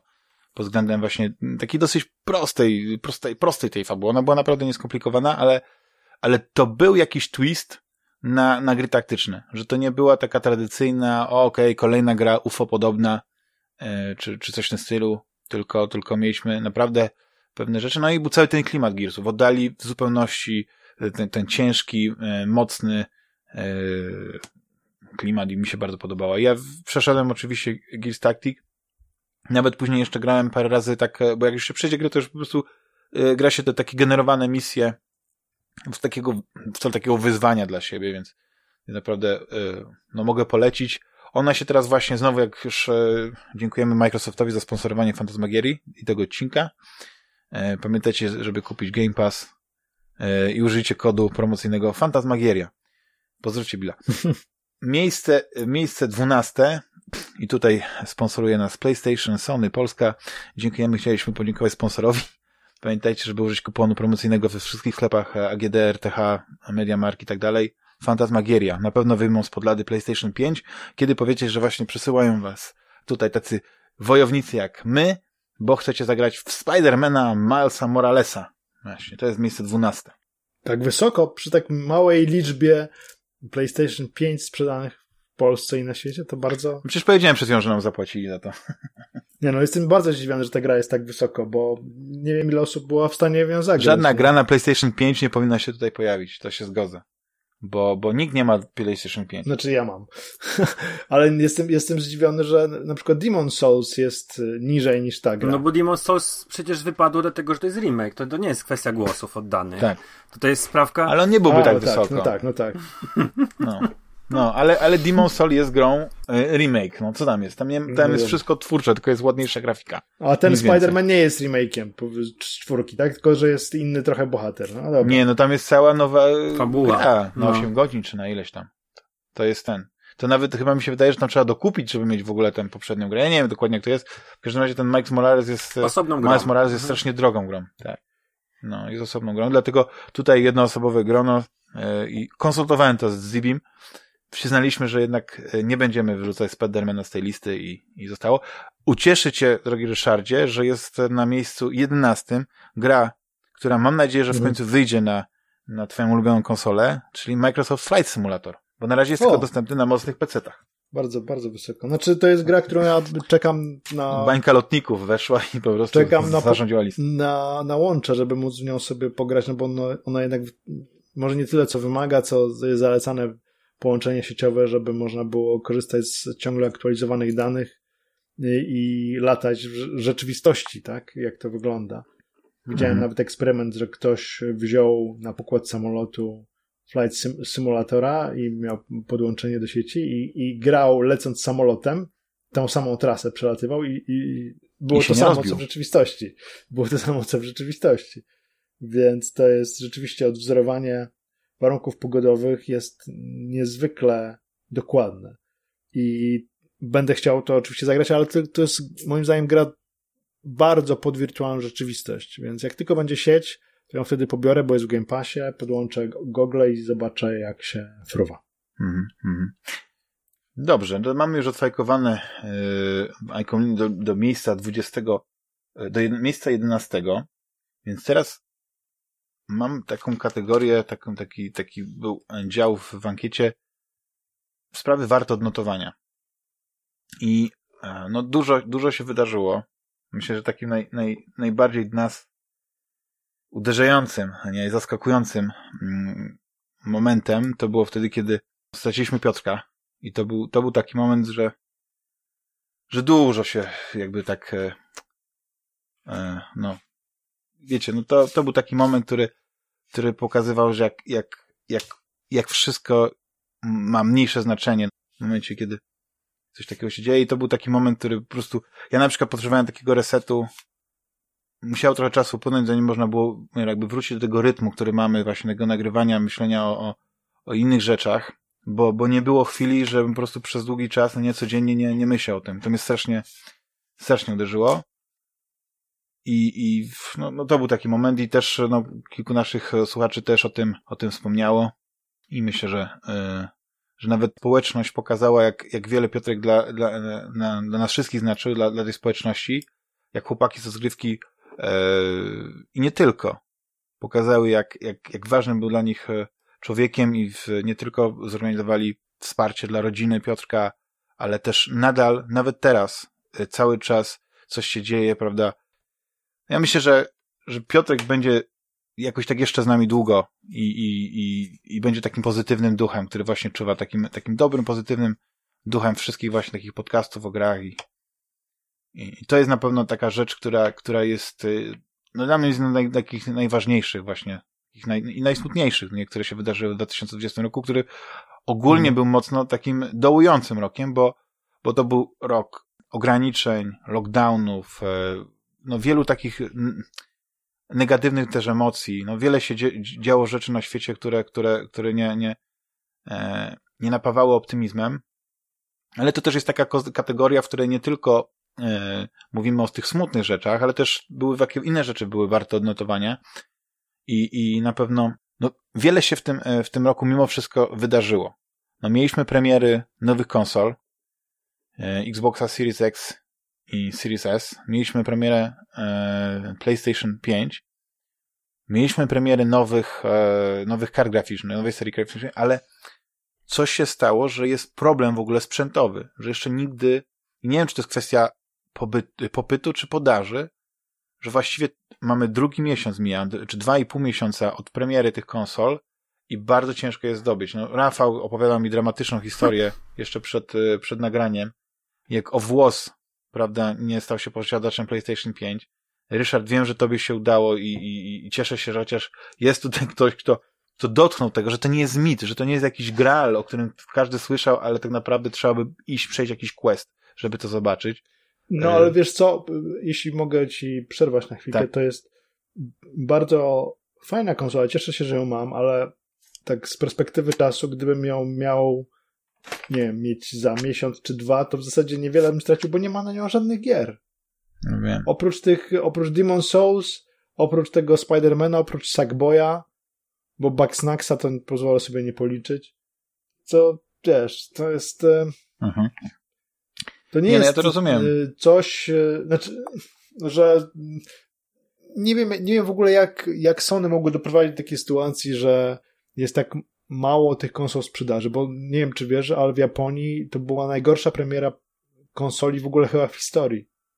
O, to ciekawe, bo oni się szczycą tym, że w ogóle to jest tak, ich najlepsza tak. premiera. No bo, bo, bo, bo, nie można nigdzie kupić, ale w Japonii... Tak, to jest taki mit, król jest nagi. No tak. nie zweryfikujesz tego, bo jej nie ma w sklepach, ale nie ma w sklepach dlatego, że nie produkują tych konsol, czy nie ma ich w sklepach dlatego, że po prostu się sprzedają. Ale te rzuty to są aż śmieszne, bo jeśli się w sklepie pojawi jedna, dwie sztuka i ona znika po 10-15 minutach, że ludzie nie zdążą do domu wjechać, wiesz, po pracy, gdzieś włączyć laptopa, żeby sobie zamówić w sklepie, że to jest dramat. To, jest, to, jest, Ale wiesz, to, jest, to samo jest... Najśmieszniejsze jest, że, że z Xboxem jest podobnie. Z, Ale chyba mi jest bardziej dostępny Xbox, bo chyba lepiej Ale sobie... powiem ci, że na przykład y, Andrzej, Andrzej Muzyczuk, który pomaga mi w Grysławie od pewnego czasu. Pozdrawiamy Andrzeja. Pozdrawiamy Andrzeja serdecznie. Dopiero, dopiero zdołał kupić Xboxa w ubiegłym tygodniu. Bo... A, to dlatego sprzedał tą kartę graficzną w tym swoim starym komputerze. Myślałem, że jakiś interes zwietrzył. Nie, bo... on, on kartę graficzną sprzedał dlatego, że dostał super cenę, ponieważ nie, nie wiem, czy wiecie, teraz karty graficzne chodzą po jakichś absolutnie absurdalnych cenach. Nawet jak macie starą kartę graficzną, to możecie ją sprzedać. Znowu chyba kopią bitcoiny kopią bitcoiny teraz, ale jest po prostu, są braki w kart, kart graficznych na rynku. I, I, karty graficzne, niezależnie od tego, czy służą do kopania bitcoinów, czy służą leżącego, po prostu, czy, czy do kopania leżącego, zyskują gigantyczne y, przebitki na rynku, nawet wtórnym tak. i możecie sprzedać swoje stare karty graficzne za pieniądze, o których by się wam nie śniło. Ja się zastanawiam, czy to jest kwestia tego, że pewne lobby pracują na tym, żeby nas e, pozbawić posiadania sprzętu przerzucić nas na platformy streamingowe, bo mamy tak, mamy Stadię, mamy GeForce Now, Stadia działa, GeForce Now działa, mamy Clouda, czy Xclouda, prawda, od, od Microsoftu, który działa. Wystarczy mieć, prawda, konto na Xboxie. Nie trzeba mieć konsoli chyba. Wystarczy mieć po prostu y, konto live na Xboxie i tam i, i z, prawda, z abonamentem. Więc, no, coraz bardziej odchodzimy i coraz lepsza jest ta technologia. Oczywiście jak ma się dobre łącze, no nie? Tam na LTE może nie działać. Chociaż y, Xcloud działa na LTE. To, to, to testowałem. To y, może tu jest gdzieś problem, bo y, naprawdę e, liczyć można na palcach jednej ręki albo dwóch ręki, ile jest posiadaczy w Polsce e, e, serii e, tam tego 3080. Naprawdę. My, my chyba znamy tylko jedną osobę. Może dwie są gdzieś. I, i ten, chyba Simplex ma, nie? O ile się nie mylę. Gdzieś tam wyszarpał od jakiegoś nie, chyba Forumowicza. Tak, chyba, chyba wyszarpał, prawda? tak. No. Chyba od Szoziego też. Ale to, to jest po prostu coś, coś niesamowitego, że po prostu w dzisiejszych czasach masz pieniądze, ale nie możesz ich wydać. No to, to jest, chyba nigdy tak nie było. No, znaczy nie, było tak. Za komuny chyba, nie? Były puste półki, ludzie mieli pieniądze, ale wszystko było na kartki. Wyobrażacie sobie, żeby na przykład, nie wiem, może było jakieś to jakoś reglamentowane, że może na kartki, okej, okay, jak masz kartkę, że jeden GeForce na rodzinę. Jak masz więcej dzieci, to powiedzmy masz pół kuponu więcej, no nie? I coś, to jest dla mnie absurd, absurd kompletny. No ale no, z drugiej strony podpisuję się obiema ręcami po tym, co powiedziałeś, że właściwie nie ma takiego powodu, dla którego warto mieć dzisiaj PlayStation 5. Posiadacze nawet Xboxa One X nie widzą nawet różnicy czasami między Series X a One. Oczywiście, szybciej się gry wczytują, ale interfejs jest identyczny. Dużo gier bardzo podobnie wygląda, więc no nie czuję się takie, aż takiej, takiego, takiej potrzeby, takiej przeskoku. Ja odpaliłem Cyberpunka 2077 na moim GTX 1060 i gra wygląda pięknie. Tylko nie mam ray tracingu, ale mogę bez tego żyć, więc no, gdzieś tutaj jest e, e, jakaś taka, e, taka dziwna rzecz. No i więc, więc ten sprzęt to jest na pewno coś, coś trzeba odnotować, wiesz, ten, ten, ten brak i to, że się to w ogóle ciągnie na tak, na tak duży, tak, tak do 2021 roku. No już mamy, styczeń się kończy, a nigdzie praktycznie nie ma, nie ma tych, tych, tych, sprzętów. Ale nie wiem, co was na przykład pozytywnie zaskoczyło albo negatywnie. Ja słyszałem, że ludzie są pozytywnie zaskoczeni, że mogli oddać cyberpunka właśnie i odzyskać Ale pieniądze. Ale to jest też ta kategoria śmierdziuszek roku, tak? Czy to, to... Nie, to jest jeszcze to nie, to jeszcze będzie. To zaskoczenie. Jeszcze, tak. Dla mnie takim dużym zaskoczeniem negatywnym, ale nie growym jest na przykład to, że HBO Max przejmuje równolegle też premiery kinowe tych swoich największych warnerowskich hitów i uważam, że to jest droga bardzo zła, bo ona... Ale nie ma kin. Nieważne, ale... Nie, w Polsce są kina otwarte? Nie, nie, nie, nie są, ale słuchaj, ja no u nas też nie ma. te filmy trafić do, do, do skarbca i poczekać w moment, do momentu, kiedy te kina się otworzą, bo uważam, że wyjście do kina, wyjście do teatru, wyjście do restauracji, wyjście do pubu, to jest y, pewnego rodzaju czynność społeczna i my nie wrócimy do normalności tak łatwo, jeżeli oni wrzucą to wszystko, te wszystkie swoje największe hity na platformę. Druga sprawa, filmowcy, całe te ekipy, oni tworzą, mm, znaczy, to mi się tak wydaje, że reżysery i scenografowie i ludzie od efektów specjalnych tworzą z myślą o kinie. Kręcą tymi specjalnymi kamerami, mają e, odpowiednio poustawiane soczewki, żeby jak najlepszy efekt zrobić właśnie w kinie. Ja sobie zdaję sprawę, że wielu ludzi ma już naprawdę świetne kina domowe, ale mm, tym podstawowym dla mnie zawsze poznawaniem y, filmu miejscem było kino. I w momencie, kiedy mm, podejrzewam, że wiele tych filmów w ogóle do, do, do polskiej dystrybucji nie trafi, bo znaczy, tak mi się wydaje, bo na przykład y, w święta weszła Wonder Woman, którą no, chciałem, jeszcze wtedy nie znałem recenzji, ale chciałem iść na ten film do kina. E, jestem fanem w ogóle urody i talentów Gal Gadot. E, ale... Talentu i urody, tak? Tak, tak. E, bardzo. I niestety ten film, znaczy jeszcze go nie, nie obejrzałem, bo nie mam, ale wydaje mi się, że może być problem, że ten film się w ogóle w polskiej dystrybucji nie pojawi. Jeżeli się pojawi. E... O, ale to jest bardzo słaby film, no to jest przede wszystkim. No tak. Kupa, a nie film. Okej. Okay. Też tak słyszałem. Kamieni kupa, tak. Niestety. Ale to jest akurat jeden z tych przykładów tych dużych filmów. Akurat to, to taki miałem, ale też spróbuję Dune też tak zrobić, prawda? Ja na przykład cieszę się, że się załapałem jeszcze na Teneta, mhm. który filmem jest y, mocno zakręconym y, i trzeba go oglądać od końca, od początku i od końca i od początku i wtedy jest, y, jest super, ale cieszę się, że ja się załapałem to. Ja nie wyobrażam sobie, żeby kina zniknęły.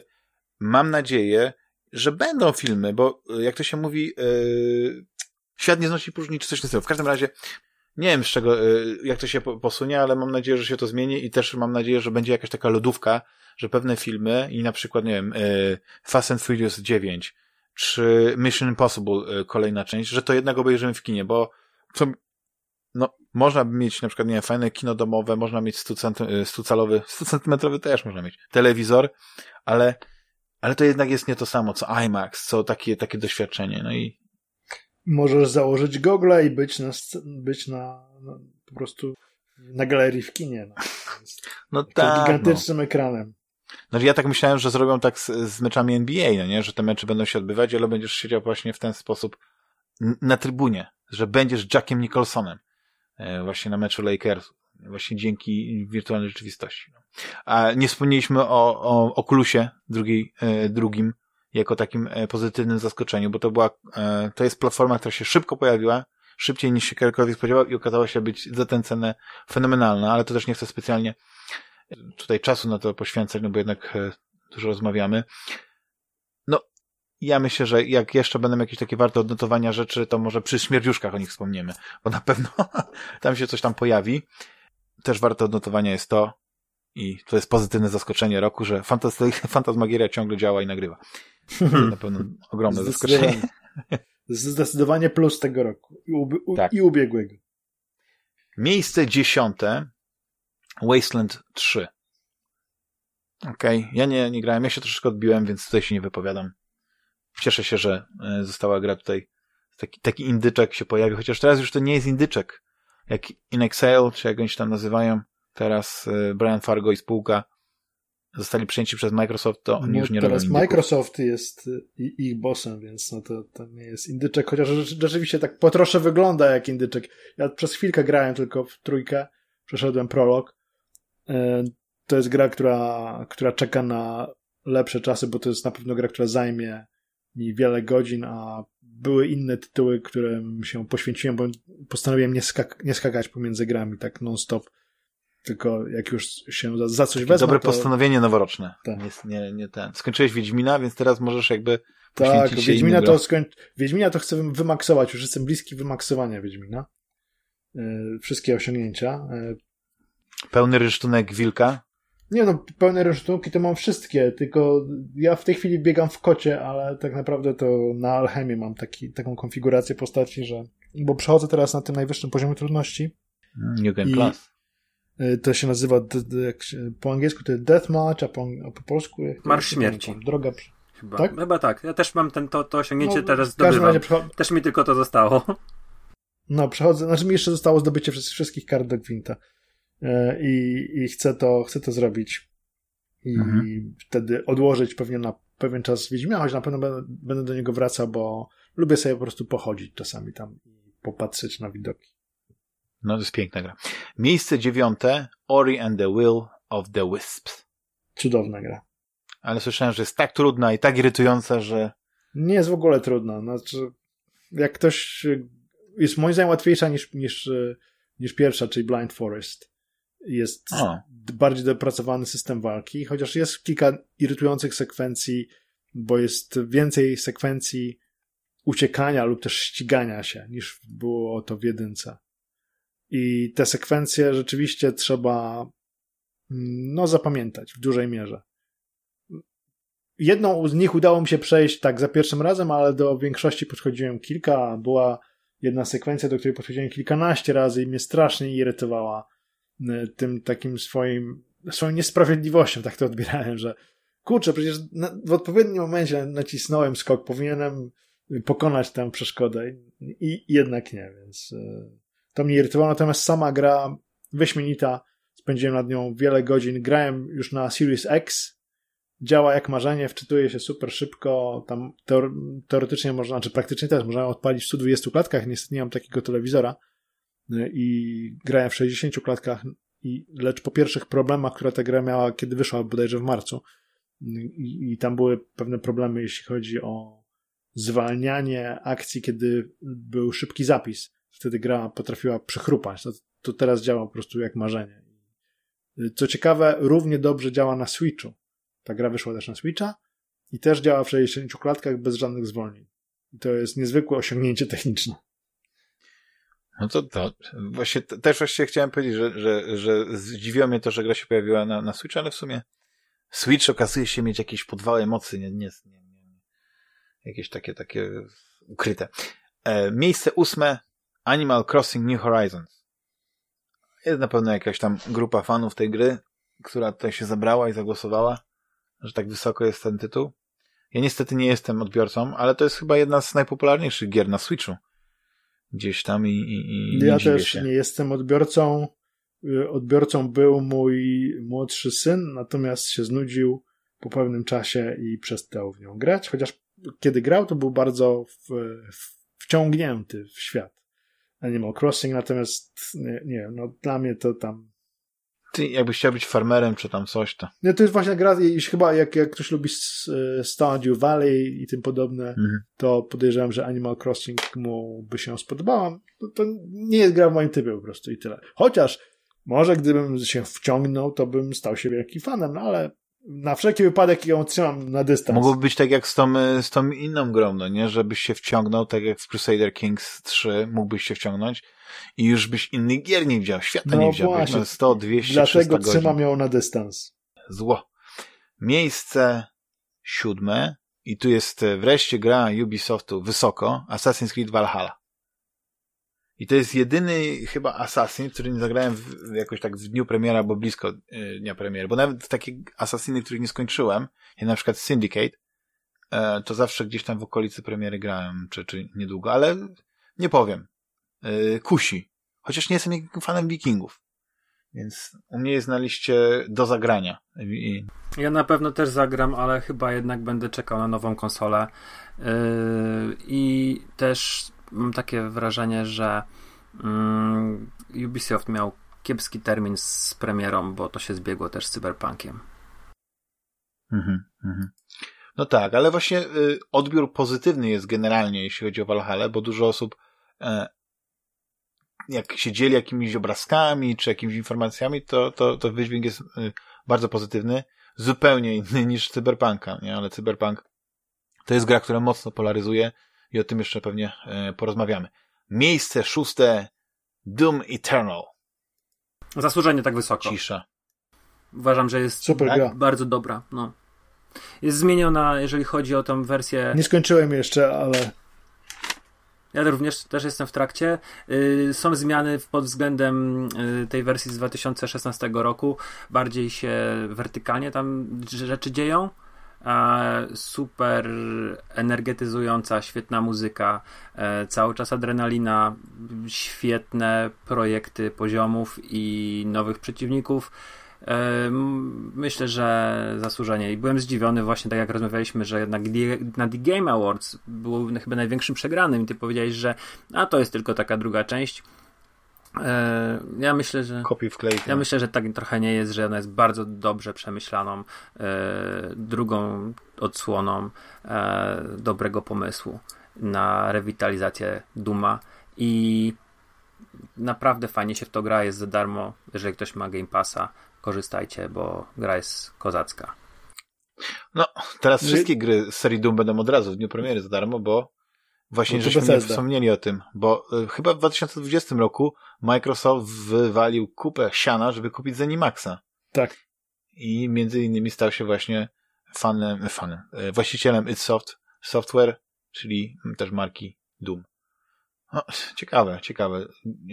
Co przyniesie jakby najbliższa przyszłość albo trochę taka dalsza. I bardzo z tego ucieszył się John Carmack, który nie był w najlepszych stosunkach z, z Bethesdą. Pamiętajmy, że e, tam został, czy też z Animaxem, bo on dostał nawet jakiś pozew, kiedy odszedł do Oculusa. E, Mnóstwo pieniędzy Facebooka kosztowała ta, ta, to przejęcie No, inżyniera nie wiem, Carmacka. Znaczy nie wiem, jakie były... Pół miliarda dolarów chyba. Nie wiem, nie, nie sądzę, żeby tam doszło do zapłaty jakichś e, mm, pieniędzy. Sądzę, że obie firmy doszły do porozumienia. Zuckerberg raczej. zbanował e, konto Bethesdy na Facebooku. Bethesda ale teraz- przemyślała swoją decyzję i John Carmack jest na, nawet napisał na Twitterze. Co ciekawe, Johna Carmacka na Twitterze obserwuje całkiem niewiele osób, e, bo on dosyć hermetyczne ma tweety takie, no, pisze w zasadzie tylko na tematy związane z programowaniem albo tak, na nawias otwarty, bla bla bla, nawias zamknięty, if, go to. Ale napisał, że cieszy się, że w końcu, że teraz Microsoft jest właścicielem, bo może będzie mógł wrócić do swoich starych tytułów, do których nie miał dostępu, e, kiedy właściciele... Odblokowali mu Xbox Live'a. No Tak. nie, no w sensie- takim sensie, że nie mógł ich modyfikować ani nic zmieniać w nich, nie?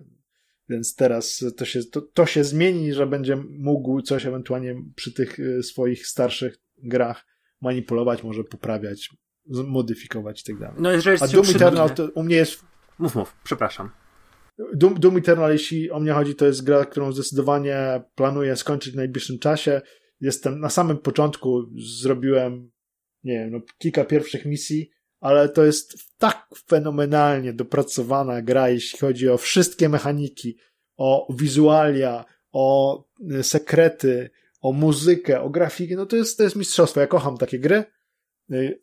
Jest rozwałka na całego. Mhm. E, Będę grał na pewno. Duma, Duma tego odnowionego 2016 skończyłem dwa razy, e, czy nawet dwa i pół razy, bo do połowy sze- doszedłem na Switchu. Te, warto też powiedzieć, że ten Doom Eternal też wyszedł teraz na Switchu E, i jest to kolejny niemożliwy port, który działa i, i to działa lepiej jeszcze niż ten Doom 2016 no, Switchowy. To jest ponoć w ogóle najlepszy port jak do tej pory, bo trzyma te 30 klatek i no wiadomo, że jakość grafiki nie jest taka jak na Xboxie. Bateria też podobno trzyma 30 minut. Nie no, bateria trzyma te 4 godziny spokojnie. No, Zwłaszcza Tak? w tym, no, tych, tych nowych Switchach. No, ty, bo pamiętajmy, A, że mieliśmy dwie iteracje Switchów. Nie, nie mówię o Switch Lite, bo to abominacja, tylko mówię o tym podstawowym Switchu. Były już dwie iteracje. Pierwsza to tak 3,5 godziny, druga to z godzinę więcej. Mhm. Może nawet w niektórych tytułach półtora godziny więcej. Ale Doom Eternal dla mnie tytuł, którego nie umieściłem u siebie w piątce, dlatego że za mało grałem, natomiast y, to, co grałem, było fantastyczne i na pewno będę wracał do tej gry powielokroć.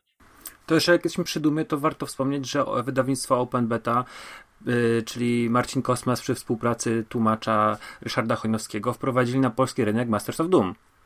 No tak, No to- to prawda. To, a zapomniałem. No tak, rzeczywiście, no tak, udało się, tak. A to była jazda, no, to była jazda. Tam... Fajna książka, tylko ja już mam jej dość, bo ją znam na pamięć w zasadzie. Niektóre fragmenty czytałem po kilkadziesiąt razy i silniki kaset i yy, po, powiem tak, nawet nagrałem... Mógłbyś rano się obudzić rozdział. i, byś, i prze, Wiesz co, nagrałem- jak pana nag- nagrałem ro- rozdział do audiobooka, e, bo miałem nadzieję, że, bo tam kiedyś e, Marcin zapytał na Twitterze, czy chcieliby się, żeby ktoś czy, czytał tę książkę i tam dużo głosów było, żebym ja czytał, albo żeby to czytał Archon. Arek Kamiński, serdecznie pozdrawiam Arka, mam nadzieję. E, I bo Arek jest super. Cześć Arek.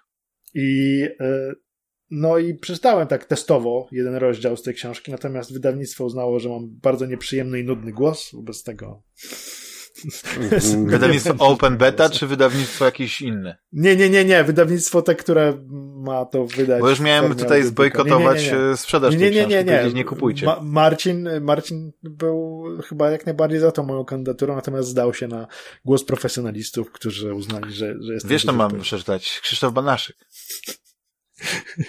Albo, albo jakiś inny tam. Nie, nie, no i wiesz, ja nie jestem profesjonalistą, to byłby, gdybym ja to przeczytał, to byłby jedynie taki smaczek, że, że ewentualnie osoba, która przynajmniej do, dobrze będzie czytać te wszystkie na, angielskie nazwy, których tam jest mnóstwo, tam jest mnóstwo angielskich terminów.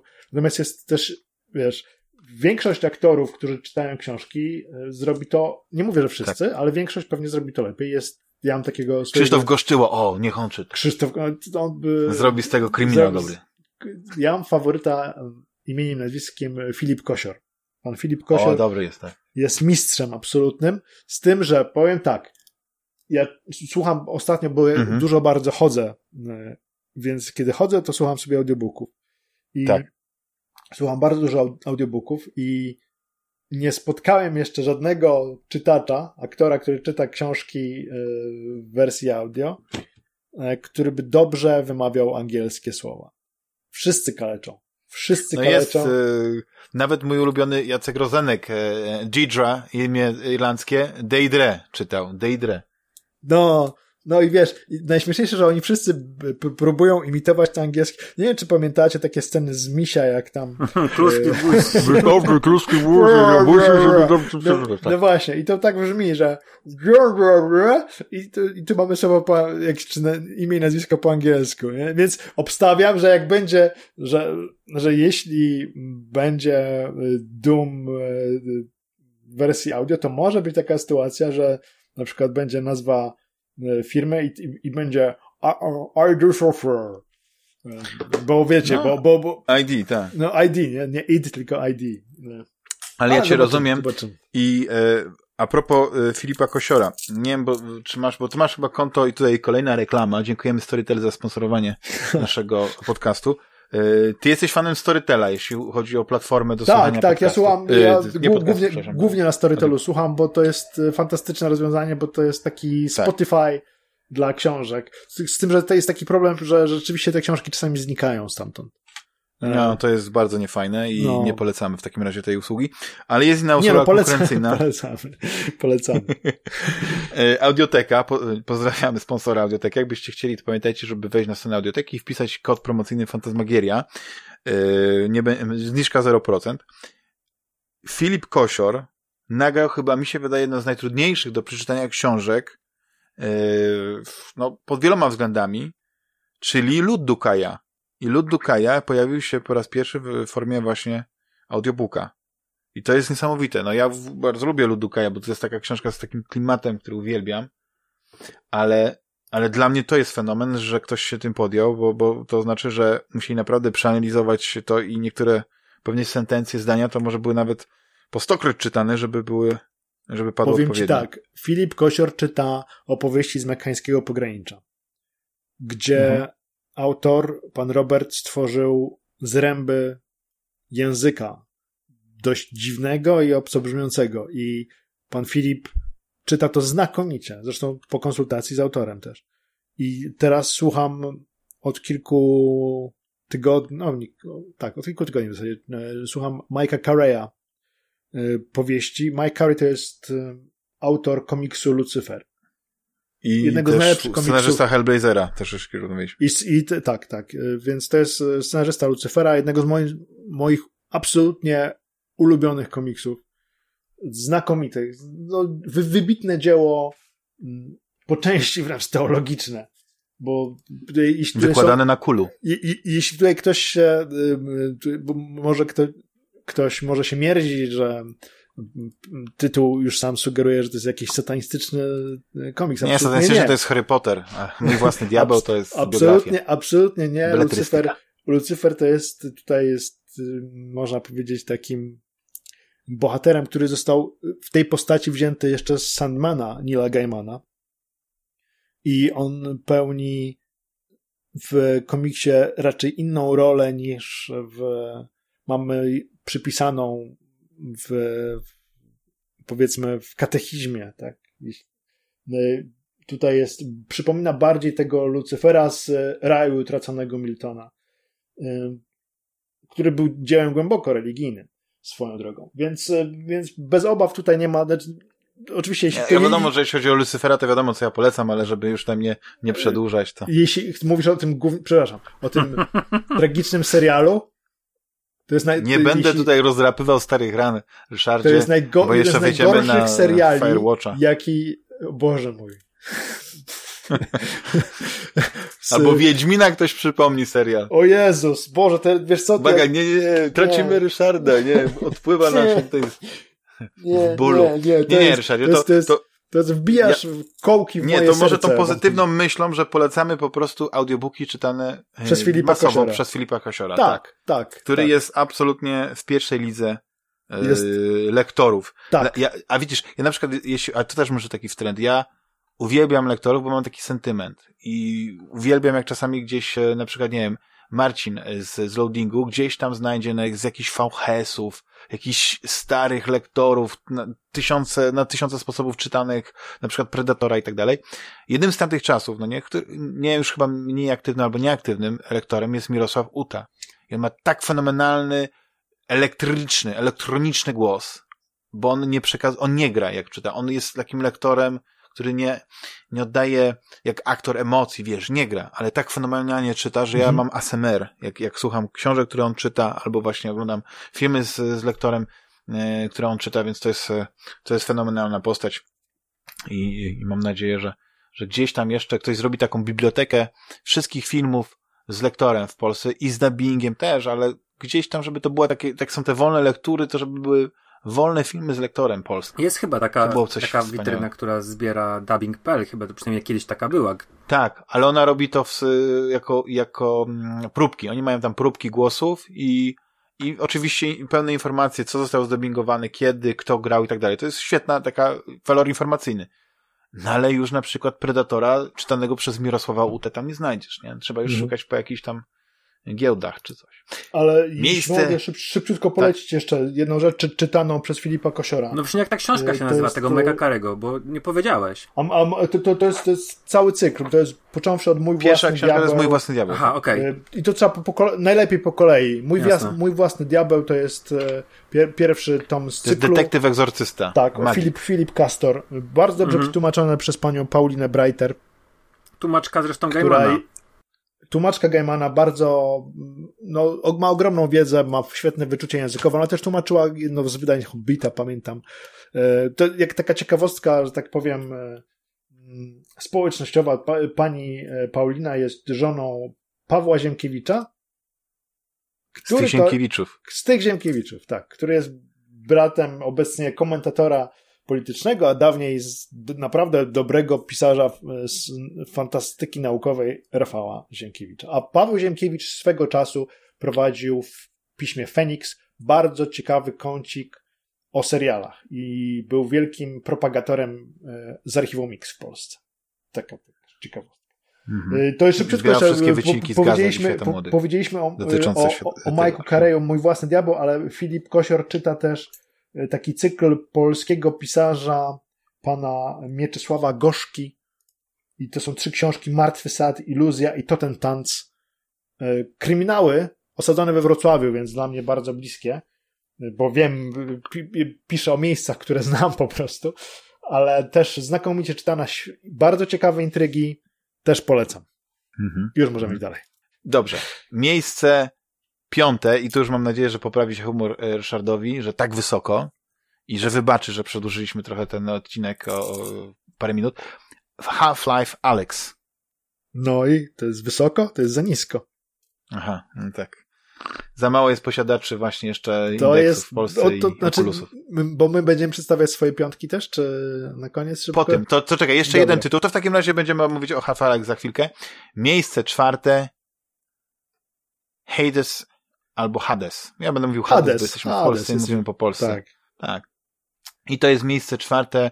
Świetna gra.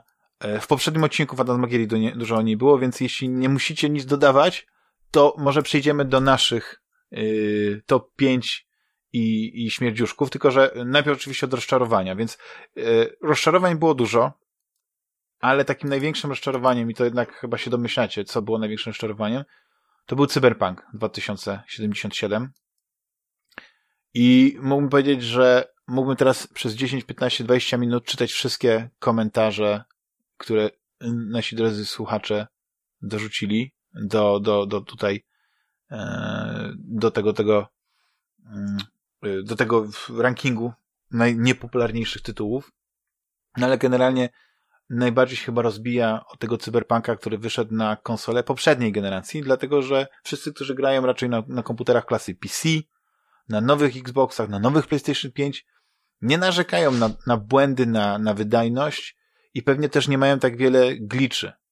Ja e, przyznam się, że przeszedłem grę na PlayStation 4, skończyłem ją, nie miałem praktycznie w ogóle, miałem dwa crashe. Jeden to był taki, że go wykrakałem, a później był taki drugi, gdzieś tam jechałem ty, tą pustynią tych, tych, tych, tych e, nomadów. Wysypisk śmiecia, okay. tak, nomadów i, i tam mi gdzieś po prostu w pewnym momencie coś się wydarzyło, że gra mi wywaliła do, do konsolowego pulpitu.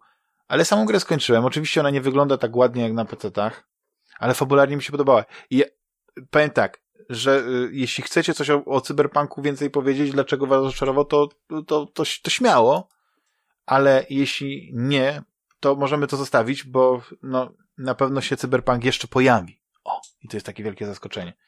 Eee, nie wiem, czy na waszych listach, czy może gdzieś indziej, no nie chcę tutaj spoilować. Drugim tytułem, który jest na liście śmierdziuszków, ale to chyba jest siła popularności, to jest y, Last of Us Part 2.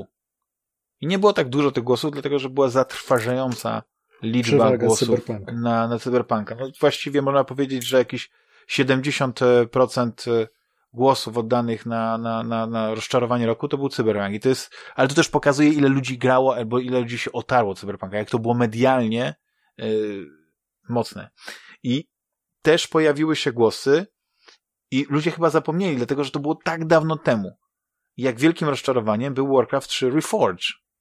I chodziło chyba o to, że, że pewne oczekiwania co do tego, jak ta gra miała wyglądać, a jak wyglądała, no, to chyba, no, Ryszardzie, ty tam jesteś związany, Bo nie wiem, był początek dodać, bo to był początek roku i dlatego ludzie nie pamiętają, wiesz? Tak samo nie pamiętają o wielu na przykład tytułach, które się pojawiły na początku roku. Ja miałem nadzieję, że się pojawią też w 30 czy nawet 40 i nie słyszałem na przykład o Journey to the Savage Planet, prawda? Świetna gra, która, nie, chyba w lutym zadebiutowała i, i to jest naprawdę kapitalna przygodówka z bardzo taką żywą, ciekawą grafiką e, osad- i przypominającą ok- okładki powieści science fiction z lat 70., 80., Chris Foss, Achilleos, te sprawy i, i, naprawdę bardzo fajna gra. Nie było chyba też, Boże, że teraz zapomniałem tytułu, e, aj, nie pamiętam tytułu, więc e, będę musiał sobie przypomnieć, ale, ale kilka, kilka tytułów e, gdzieś tu mi umknęło w międzyczasie. Natomiast jeśli mogę sam dodać o, o rozczarowaniach, to ja nie mam takowych ogólnie. Dla mnie rozczarowaniem było to ca cały, cały rok był rozczarowaniem, że wyglądał tak, jak wyglądał. E, Natomiast nie grałem w The Last of Us, e, część drugą powiedziałem, że raczej mi nie przypadnie do gustu, więc sobie odpuściłem. O, małe rozczarowanie, malutkie. To jest Spelunky 2. Bo to jest bardzo dobra gra, natomiast jest tak upiornie dla mnie trudna, e, że mm, nie, że mnie frustruje zamiast sp- sp- sprawiać przyjemność. Ja podchodziłem do niej, no nie wiem, no, zginąłem w niej pewnie już kilkaset razy, więc no kilkaset razy podchodziłem do, do przejścia. To jest taka gra, która wymaga nauczenia się mechaniki, nauczenia się jej, ale no nie, nie przemogłem się, żeby grać dalej, bo nie jestem na tyle zręczny po prostu. Natomiast u mnie młodszy junior gra w to non-stop, na, na tak e, gra w Sea of Thieves i w Spelunky 2 i pokazy, pokazuje mi już takie rzeczy, do, do, dochodzi tak daleko, odkrywa takie mm, ciekawostki, że no jestem w szoku. Później próbuję to popra- powtórzyć i się frustruję po 5 minutach, bo nie jestem w stanie przejść pierwszego etapu tak płynnie i, i zręcznie, więc no ale to, to jest, trudno powiedzieć, że to jest rozczarowanie, bo to jest, z jednej strony gra mi się podoba, Ale jak płynnie zmieniłeś temat właśnie od tego e, Warcrafta 3 Reforge, nie, nie chcesz tam wbijać szpili, ale ja to rozumiem, więc, więc spokojnie. Z innych tytułów, które tam na przykład padły, to e, Ale przepraszam, jeśli chodzi o Warcrafta, to bardzo dobrze został przyjęty. World of Warcraft, Shadowlands, bardzo dobrze został przyjęty. I znowu przybyło graczy do World of Warcraft. To jest te- teraz chyba cały czas jedyny y, abonamentowy y, MMO. Tak mi się wydaje. Który cały czas żyje i ma się dobrze. Ta gra ma już 17 lat w tym roku. 2001, 2021 będzie 17 lat, kiedy World of Warcraft jest na serwerach i na świecie. Już niedługo czas- dzieci z tej gry będą mieć dzieci. Takie to będą. No właśnie, i, i, to jest, i to jest niezwykłe. To jest niezwykłe, jak ta gra cały czas utrzymuje się na szczycie. To jest e, naprawdę wyjątkowe jest- osiągnięcie. Tak. W ogóle z gier, które tak, ja nie będę już tam nawet się specjalnie ro, roz, rozwodził, na przykład ktoś wspomniał o Mortal Shell. Ja tylko No grałem właśnie- w demo i O, Mortal Shell Tego właśnie, rozczarowania to, to jest rozczarowanie to jest ponoć no, super ktoś gra. tylko wspomniał, ale ja nie mówię, że właśnie, że, bo nie wspomnieliśmy, bo nikt praktycznie, może no bo gdzieś dużo tam parę osób, ale za mało. wymienionych. No słuchajcie, No dużo. y, jeżeli chodzi tak, takich, takich, co nam przychodzą od razu na myśl, no to nie było Valoranta, tak? Torchlight trójka, Genshin Tak. Impact, Mortal Shell, a, Mo- a nie, Among Us jest stare. Y, mm, Nioch dwójka, O, Nioch dwójka, Void Bastards, y, Bandicoot 4. bardzo tak, Serious Sam 4 też był, ale to chyba jako śmierdzioszek by było. No to, jest- E, to, to, Ze tak. no na pewno trzynastka remake, no to chyba bezapelacyjnie najgorsza, najgorsza gra, jaka e, Tak, au- autorzy chyba nawet prze, ogromne, bo ja prze, bardzo przepraszali chciałem, nawet za było nią. ładne. E, Tak, że, tak. Ale nie wycofali Ale sklepu. może- Sukin koty. Niech się uczą od no, czy, naszych czyli tak, na, na, husarskich cesarzy. ale y, czwartego miejsca jeszcze nie podawaliśmy, tak? Czy już podawaliśmy? I-? Nie, e, Hades był na czwartym. Czwartym. Dobra, to y, chyba już wiem, co jest na pierwszych I trzech. jeszcze Pathologic, Pathologic 2, też bardzo głośna gra, przecież, która, która nie, nie, nie, nie wyszła. E, Mhm. Ja jako rozczarowanie roku, jeszcze kończąc, dałem Cyberpunka, no ale to myślę, że to inny czas będzie na to, żebyśmy sobie... Będziemy jeszcze rozmawiać. Tak, Ja tam. Cyberpunka nie dałem na pewno jako rozczarowanie, bo to jest gra, o której ch- chciałbym zabawić się znowu tutaj w proroka. Mówiłem, że tak będzie. Ja mówiłem, że tak będzie.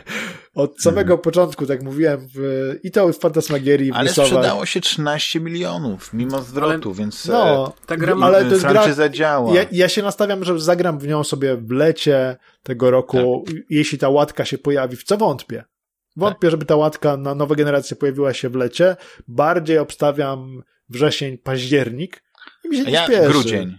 Na, Tak sądzisz? Grudzień Na pierwszy dopiero? rok, tak, pierwsza premiera. Wiesz co, ja sam, sądzę, że jeszcze CD Projekt jest, e, znaczy nie- to, że jest winien, ale obiecywał łatkę e, przysz, przyszłogeneracyjną, czy też obecnie generacyjną do Wiedźmina.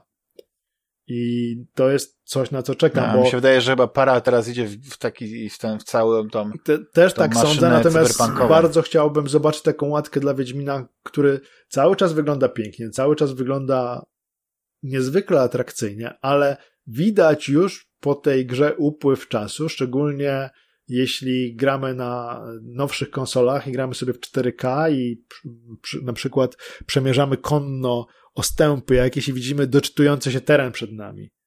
I to jest bardzo wyraźne. I są problemy też z, no tam, Wiedźmin 3, 5 lat, 6 już niedługo lat po premierze, cały czas ma mnóstwo błędów. Nie są to błędy, które uniemożliwiają rozgrywkę, ale cały czas te błędy są. E, Czy to błędy w animacji, czy to błędy w odtwarzaniu dźwięków, czy to błędy w misjach, które się nie odpalają albo odpalają się po pewnym czasie, czy to błędy znikających przedmiotów i tak dalej. Ale to i tak jest świetna gra. Podejrzewam, że z Mhm. Cyberpunkiem będzie podobnie, natomiast nie jest to taki świat, który by mnie wciągał na tyle, co świat Wiedźmina, więc u mnie w ogóle tej gry y, nie zauważam istnienia Cyberpunka na razie. O. A jeszcze u mnie w piątce nie ma Pozwolę sobie coś powiedzieć, bo mówisz, że cię tak nie wciągnie i e, ja jestem jeszcze gdzieś tak pewnie z 10 godzin mi zostało, ale ja uważam, że w ogóle dużo gorszą grą, już pomijając aspekt e, premiery i tego, jak ta gra chodzi, jest dużo gorszą grą niż e, Wiedźmin trzeci. Jest nieudana, A nieprzemyślana. nie, to tam. I mm, po tych pierwszych moich zachwytach, e, ja się w tym momencie, jak nagrywaliśmy pierwsze wrażenia, to, to było 10 godzin i byłem bardzo optymistyczny. Teraz się zmuszam, ale nie ze względu na to, że ona jest jakoś wybitnie zła, tylko ja widzę rzeczy, które mogłyby być. Znaczy, mam więcej do skrytykowania za to, czym cyber- cyberpunk nie jest, niż jest. Bo on jest bardzo kompetentny we wszystkim, co robi, ale jest przez to, że jest. Yy, bardzo bezpieczną grą, jest pod wieloma względami nudny i jakieś takie ładne określenie by to użyć. Mm, nudny i Mało nie, nie, porywający, wiesz co, takie, bo, bo, bo wtórny. może właśnie to, że jest wtórny i stoi dwie genera- nogami swoimi stoi dwie generacje wstecz. Stoi na generacji 360 i PlayStation 3. Tam są te rozwiązania, które mieliśmy Dlatego w Mass szansa, Effectie cały jak- czas. y, No ale tu już kończmy, bo, bo mi się wydaje, że. Nie, nie, mamy... bo może to będzie trochę jak z Destiny, tylko że z Destiny ale tam pierwsze było na PlayStation 3 i na PlayStation. Tam musieliby strasznie no, dużo Być przerobić. może to za 2-3 lata, jeśli to będzie living game. To, to może to nie może z Destiny, przerobią. tylko No Man's Sky bardziej, tak? Nie, nie widzę się- tego, No, słuchajcie, tylko No Man's Sky jest też, wyreżyserowane e, taką- wszystkie interakcje z postaciami mamy wyreżyserowane. Te, to, to jest właśnie problem tej gry, że mają, mamy scenki, więc musieliby znowu zatrudnić pewnie całą ekipę do nagrywania głosów i do, do mock-upu. Czy motion capture to mogą tam zrobić, wiesz, na pewno jest nie jeden człowiek, który wygląda jak Keanu Reeves, no nie? Trochę się Mhm. przygarbi, trochę tam ten i, i już będzie wyglądał. Ale to, to y, jeśli chodzi o te, te śmierdziuszki, tak, dużo gier się nie pojawiało, po, jakieś pojedyncze tytuły się na przykład, nie wiem, ktoś wymienił na przykład, nie wiem, e, Twin Mirror jako takie e, krótkie i plastikowe, no nie? Że, że y, na przykład Why było taką ciekawą skórcznie. No, nie wiem, ja na przykład Twin Mirror nie widziałem. Może bym zagrał, bo to jest taka gra z, z, gatunku, który lubię, ale kto wie.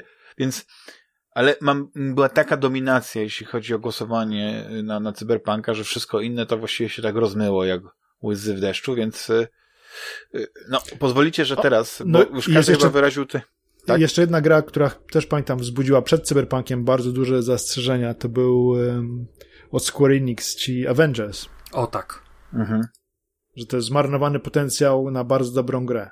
Że też, ta, podobnie jak Cyberpunk niedopieczony, powinien jeszcze w piecu mm, pozostać przez jakiś czas, bo tak to się zrobił za kalec niestety.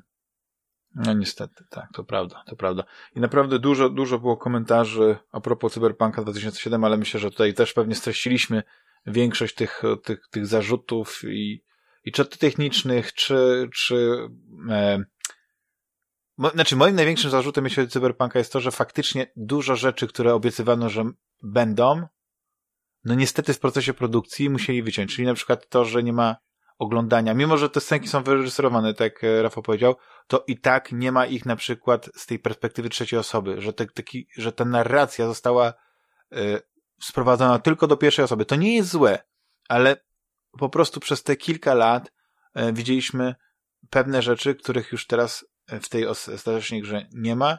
Nie wiadomo, czy one wrócą. I to jest właśnie y, też, też pewien problem, też- bo graficznie ta gra może ładnie wyglądać, mogą zlikwidować glitche, bugi, ale czy ten content wróci, czy na przykład bieganie po Ale uważasz, że czy... content jest najważniejszy, bo wejdź do menu i to menu jest beznadziejne. Teraz po, po, po 20, e, 30 e, godzinach ja mam Mhm. wrażenie, że to, co e, w tej grze jest, to, to jest zrobiona gra, która wygląda bardzo ładnie, natomiast jest zrobiona przez ludzi mm, bez wyobraźni. E, No, no to już, to już jest kwestia inna. Mi się wydaje, że tam ludzie są wyobraźni, ale pewnie jakieś inne czynniki i być może kiedyś powstanie jakaś taka książka, nie wiem, może przez jakiegoś Jasona napisana, dlaczego ten cyberpunk jest taki, jaki jest. No ale to musimy poczekać. I teraz was poproszę, y, moi drodzy, żebyście, zanim przeczytamy listę właśnie tych trzech, tego podium, to króciutko wasze typy. Nie musicie specjalnie, y, powiedzmy, uzasadniać, ale chciałbym poznać wasze typy. Pewnie część się pojawiła już na liście, o, części- o części rozmawialiśmy Znaczy, w Ryszardzie. To, Twoje co, co naszym pięć. zdaniem i, a, a nasze to pięć, a nie przewidywania co do tego. To przewidywanie pierwszym- będzie, to będziemy tak, ja pytam was, które myślicie będzie miejsce trzecie i wtedy e, Aha, dobrze, głosujemy. dobrze, Później drugie. To, Ale twoje, Ryszardzie, top 5. Dobrze, to u mnie chciałbym tak, żeby zacząć od gry VR-owej, bo ja bardzo dużo czasu w, w 2020 spędziłem w VR-ze. Więc to jest gra, nad którą, w której siedziałem najwięcej. I nie jest to Half-Life, y, bo najwięcej chyba spędziłem czasu na In Death Unchained. I to jest polska gra polskiego studia wrocławskiego, znakomity symulator strzelania z łuku, czy też z kuszy, ja strzelam głównie z łuku. Gra rogalikowa w takiej Dark Soulsowej estetyce. Gra, która cały czas się rozwija, która sprawia mi mnóstwo frajdy, do której dodawane są nowe tryby. Nie jest to gra na pewno dla każdego w zasadzie pozbawiona fabuły, bo tu gramy po to, żeby wyśrubować jakiś tam wynik i przejść jak najdalej, jak to w rogalikach często bywa. Natomiast to jest u mnie na miejscu piątym. Na miejscu czwartym Mhm. pozwoliłem sobie gra, dać grę, która jest darmowa i którą otrzymuje każdy, każda osoba, Astrobot. która ma PlayStation 5, Astrobot. Astrobot jest niewiarygodny po prostu. To jest gra, którą y, pokazujesz komuś, dajesz jej pada i od tej pory ta osoba jest wielkim miłośnikiem tej technologii, która Fanboyem PlayStation. fanboyem pad up do PlayStation, tak, bo to, mhm. zresztą w ogóle całe działanie tej gry jest niesamowite, bo od momentu odpalenia konsoli do momentu uruchomienia któregoś z etapów gry, bo możemy sobie wybrać, mijają dwie sekundy. To jest, wiesz, to jest e, fantastyczna rzecz. To jak ta gra działa. Ja ogólnie jestem fanem Astrobota jeszcze z czasów e, VR-owych. E, mhm. PlayStation VR. Astro, e, był Astrobot na PlayStation VR, który był u mnie chyba grą roku 2018. Bardzo wysoko był w każdym razie. I tutaj ten Astrobot jest fantastyczny, wymaksowałem go, czasami do niego wracam, znaczy teraz nie wracam, bo jak mówiłem, konsola jest u, u syna w pokoju, więc tam nie wchodzę, e, ale to jak genialny jest ten pad, najlepiej oddany jest w Astrobocie. E, u mnie mhm. E, na miejscu trzecim szybciutko powiem jest Hades, tak. który jest fantastyczny, fenomenalny, ma genialną muzykę. Bardzo zachęcam też do wysłuchania aranżacji muzyki z Hadesa oraz gier w ogóle z Supergiant Games na naszym koncercie Game Music Festival. Możecie obejrzeć to na YouTube, bo cały czas ta transmisja jest dostępna. I to był genialny koncert, jeden z najlepszych koncertów, jaki A teraz właśnie tak pomyślałem, że to było warte podkreślenia w tamtym roku, że mimo tak. naprawdę trudności ogromnych udało się udało ten się ten koncert zorganizować. Te dwa koncerty, tak, to było, tak, całą to, imprezę udało się zorganizować, to, to, to co... festiwal. To, co chłopaki osiągnęli, to, to jak wiele trudności udało się pokonać, to jest niesamowite i zasługuje na największe pochwałę i pozdrawiam serdecznie całą ekipę GameMusic.pl, mam nadzieję, że w 2021 już normalnie będzie można zorganizować, a plany są wspaniałe, bo coś niecoś wiem na ten temat. Mm. Na miejscu drugim u mnie jest Ori and the Will of the Wisps. Już mówiłem o tym. Ja kocham Metroidvania, kocham platformówki, nie wiem czy wspominałem, ostatnio w Grysławie coś wspominałem też, że całkiem lubię platformówki, a to jest, a to jest platformówka połączona z Metroidvanią, cudowna, przepiękna, świetna muzyka Garetha Cockera, nie słucha nas, ale miałem przyjemność Garetha poznać, jest wspaniałym, ciepłym, kochanym człowiekiem i zawsze też się pojawiał we Wrocławiu na festiwalu. Mam nadzieję, że w 2021 e, przyjedzie ponownie, bo to też jest taki dobry duch festiwalu muzyki, muzyki growej i mam nadzieję, że kto wie, może muzyka z Will of the Wisps e, się pojawi, bo to przepiękna ścieżka dźwiękowa. No i na miejscu pierwszym Tadam nikt się nie spodziewał, co to może być u mnie za gra. Haha, Half-Life Alyx, no. To jest. Jeśli Brawo. ktoś ma gogle VR, nie musi mieć gogli Index, może mieć nawet Oculusa Questa, byle miał mocny komputer, bo ta gra wymaga całkiem mocnego komputera, może zagrać sobie w Half-Life Alyx. No jest, to, to jest genialna, genialna gra. Nie, ktoś może się oburzyć, że nadużywam słowa genialna, ale w tym wypadku ona rzeczywiście taka jest. Moim zdaniem oczywiście. To jest właściwie, jak to powiedział jeden z komentujących, to nie gra, to doświadczenie. To przeżycie. To jest przeżycie, tak. tak. I ja grałem w Half-Life Alyx nagrywając całość i później dzieląc się swoimi przeżyci- całym tym przeżyciem. To wszystko jest zapisane na YouTube, jak ktoś chciałby obejrzeć. Nie ma go. Potomnym, tak. E, a chciałby zobaczyć, jak to wygląda, to jest taki cykl chyba 15 odcinków, e, gdzie przedstawiam tę grę, no po prostu mhm. grając nią i, i, starając się przekazać to, co widzę, bo jednak nawet najlepszy opisujący nie jest w stanie oddać tego, co czujecie, kiedy macie gogle na, na głowie i, i, i przedzieracie się przez e, korytarze i nie tylko, przez e, podziemia, przez e, place budów i, i różne inne miejsca, które są w Half-Life Alyx i przeżywacie całą tą przygodę, będąc tam w środku. Jeśli będzie kolejny Half-Life, to chciałbym, żeby to był w VR-ze. Zresztą sądzę, że odbiór tej gry był tak pozytywny, iż Valve chyba już przygotowuje, zresztą gdzieś czytałem plotki, że Valve przygotowuje całą grę osadzoną w, w Cytadeli z Half-Life'a drugiego.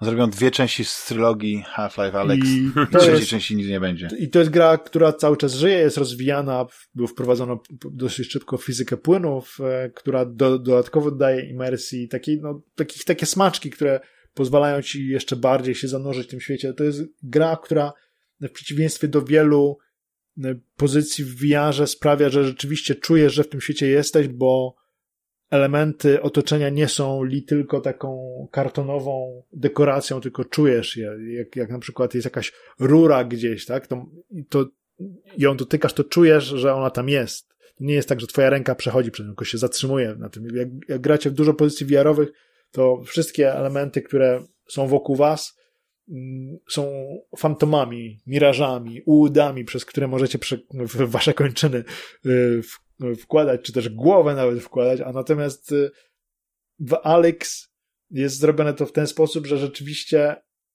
czujecie, że tam jesteście.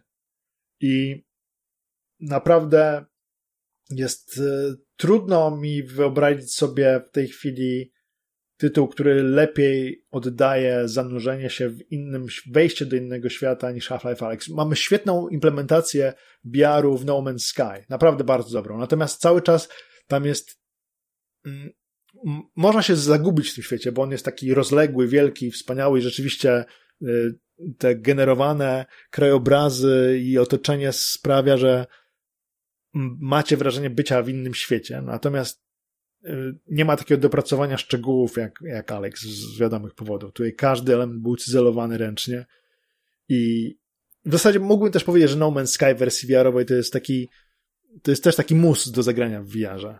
Ale gdy miał wybrać jedną, no, no to Alex. Oczywiście, jest, Alex, czyli gra roku. Dla mnie, tak, dla, dla, mnie gra roku to jest w ogóle, jak tylko w nią zagrałem, to wiedziałem, że to będzie gra roku. Nie sądziłem, żeby pojawiło się cokolwiek, co mogłoby mhm. jej zagrozić, no i się nic takiego nie pojawiło, chociaż całkiem sporo było fajnych gier.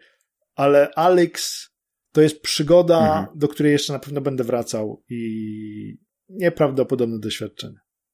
Rozumiem.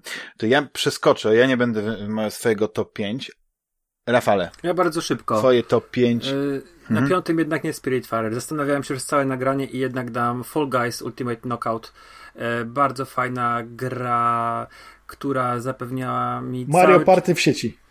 To dokładnie. Jest, jest po prostu fantastyczną zabawą, bardzo pogodą, bardzo też wywołującą emocje, co rzadko mi się zdarza. Wspominałem o tym, że musiałem przestać grać przy córce, bo używałem wulgaryzmów. E, dawno się tak dobrze nie dawno się tak dużo nie śmiałem. E, zaraziłem kilka osób z mojego otoczenia w tą grą i, i każdemu się podobała. Mm, to nie jest tytuł wybitny, ale uważam, że ilość godzin przy nim spędzonych yy, i ilość fanu, ile mi dał, to daje go na piątym miejscu. Na czwartym miejscu Doom Eternal, nieskończona jeszcze gra ale y, nie sądzę, żeby nagle coś magicznie zmieniło moją opinię o nim. Y, Yakuza Like a Dragon na trzecim.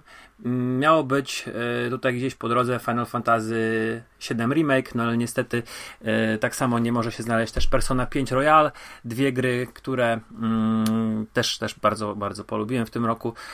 Persona już wiele, zresztą wcześniej lat. To była moja gra roku, chyba 2018.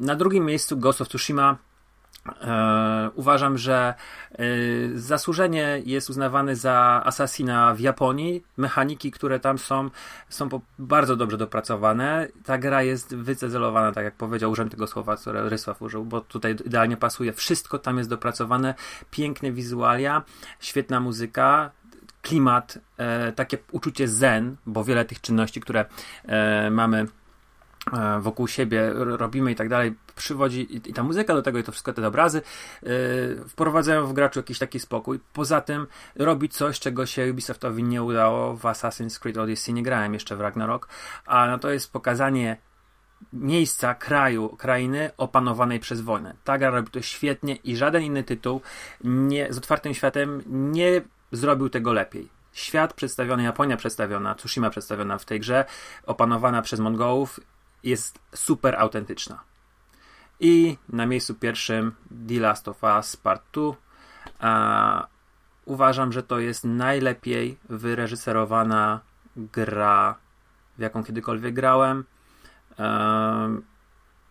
tutaj walory produkcyjne są bardzo wysokie, ale chyba przede wszystkim u mnie e, właśnie ta reżyseria, to jak poprowadził mm, facet historię, on może się naprawdę mierzyć z najlepszymi młodymi reżyserami, jacy teraz tworzą filmy. Jest taki film Vendetta Martina Kulhovana mm, z mm, Dakotą Fanning i, i, i, z Guyem Pearsem, Kitem Harringtonem. Ten film bardzo robił na mnie duże wrażenie, go oglądałem i tutaj takie bardzo podobne wrażenia miałem grając w tę grę. E, ja ci polecam, Ryszardzie bo uważam, że... Ja nie jestem fanem Last of Us ogólnie, wiem, wiesz, ale powiem ci tak, ja jesteś... wynudziłem się, znaczy nie skończyłem jedynki. Mhm, ale wiesz co, o co mi chodzi? Więc... Bo, bo jednak jesteś osobą, która no, jest jakimś tam badaczem tej popkultury, badaczem gier i, i masz gigantyczną wiedzę i wydaje mi się, że warto to zobaczyć tak chociażby z naukowego podejścia, bo tutaj jest e, ta reżyseria właśnie. E, pomijam cały gameplay, bo ludzie mówią, że jest taki sam jak w jedynce. Wcale tak nie jest. Jest tam bardzo dużo rzeczy dodanych, bardzo dużo smaczków, ale reżyseria, to jak są przeplatane wątki, jak są wręcz jak no, żonglowanie jak u Tarantino, miejscem akcji, czasem akcji. I tutaj już kończę. Dla mnie w tym momencie y, to jest gra roku.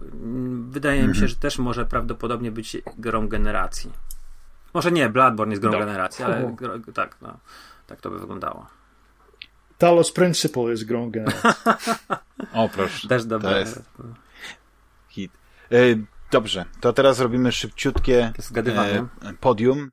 I Dobra, to, to zgadujcie na tak, dobra. Na trzecim, Na trzecim miejscu, miejscu sądzę, Tsushima jest. Ja tak samo. Zgadliście. Tak, Ghost of Tsushima. nie, nic dodać, nic ująć do czego, co Rafał powiedział i ja też chciałbym tak, bardzo w Tsushima zagrać. Ja chciałem powiedzieć, że zacząłem grać Tsushima, bardzo, bardzo mi się podoba, natomiast jestem po pierwszych, nie wiem, pięciu godzinach na samym początku, nie chcę wobec tego się wypowiadać bardziej, bo zazwyczaj wolę prze...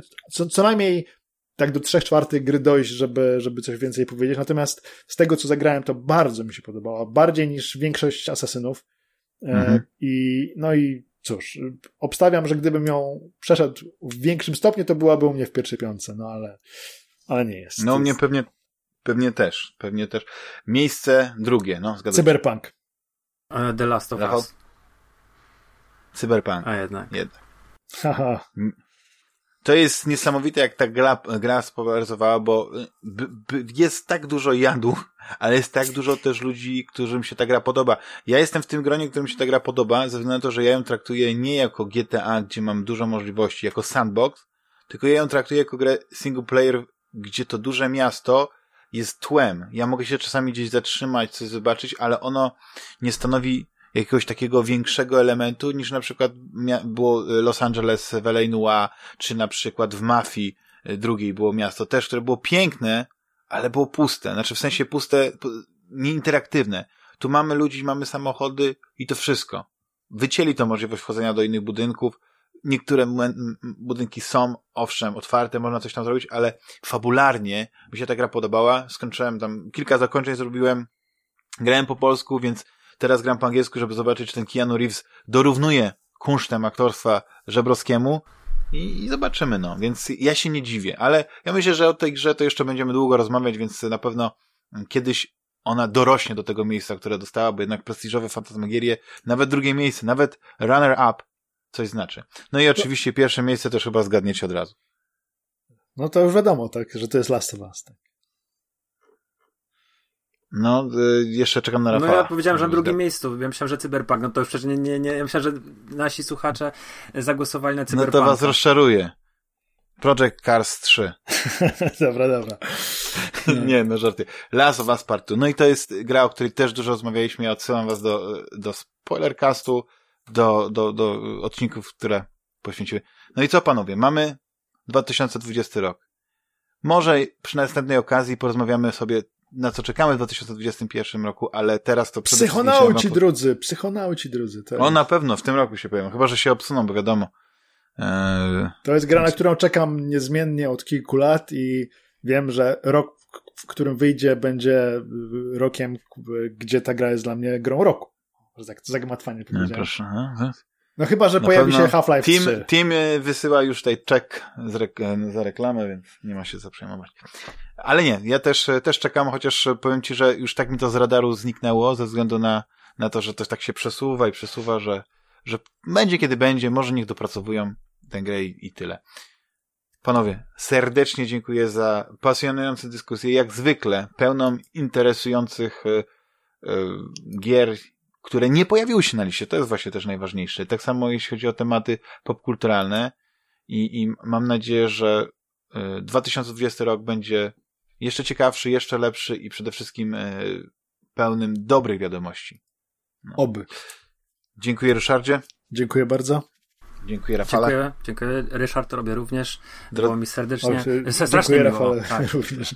Nie wiem, czy Państwo tego nie widział, ja tutaj mam na kamerze właśnie podgląd na Rafała. Zgiął się właśnie w pół Japończyk grający w Ghost of Tsushima, I mam czołem ten uderzył prosto w klanę. mój, Bo, bo no nie ma co tutaj oszukiwać się, że no ja jestem małym pionkiem w porównaniu z, z waszymi do, dokonaniami Proszę, i, i osiągnięciami i dla mnie to jest nobilitacja naprawdę bardzo duża, że mogłem Mały pionek, a 1,88 m A, no. to jest- jest jednak, widzicie, hipokryta. Nie, po prostu tak Yy, widzę siebie, no. Dobrze, żartuję, nie. Dziękuję wszystkim naszym drogim słuchaczom. Pamiętajcie, żeby odwiedzić nas na naszej stronie www.fantasmagieria.net. I co? Słyszymy się za tydzień. Cześć. Cześć. Hej. Na razie, hej.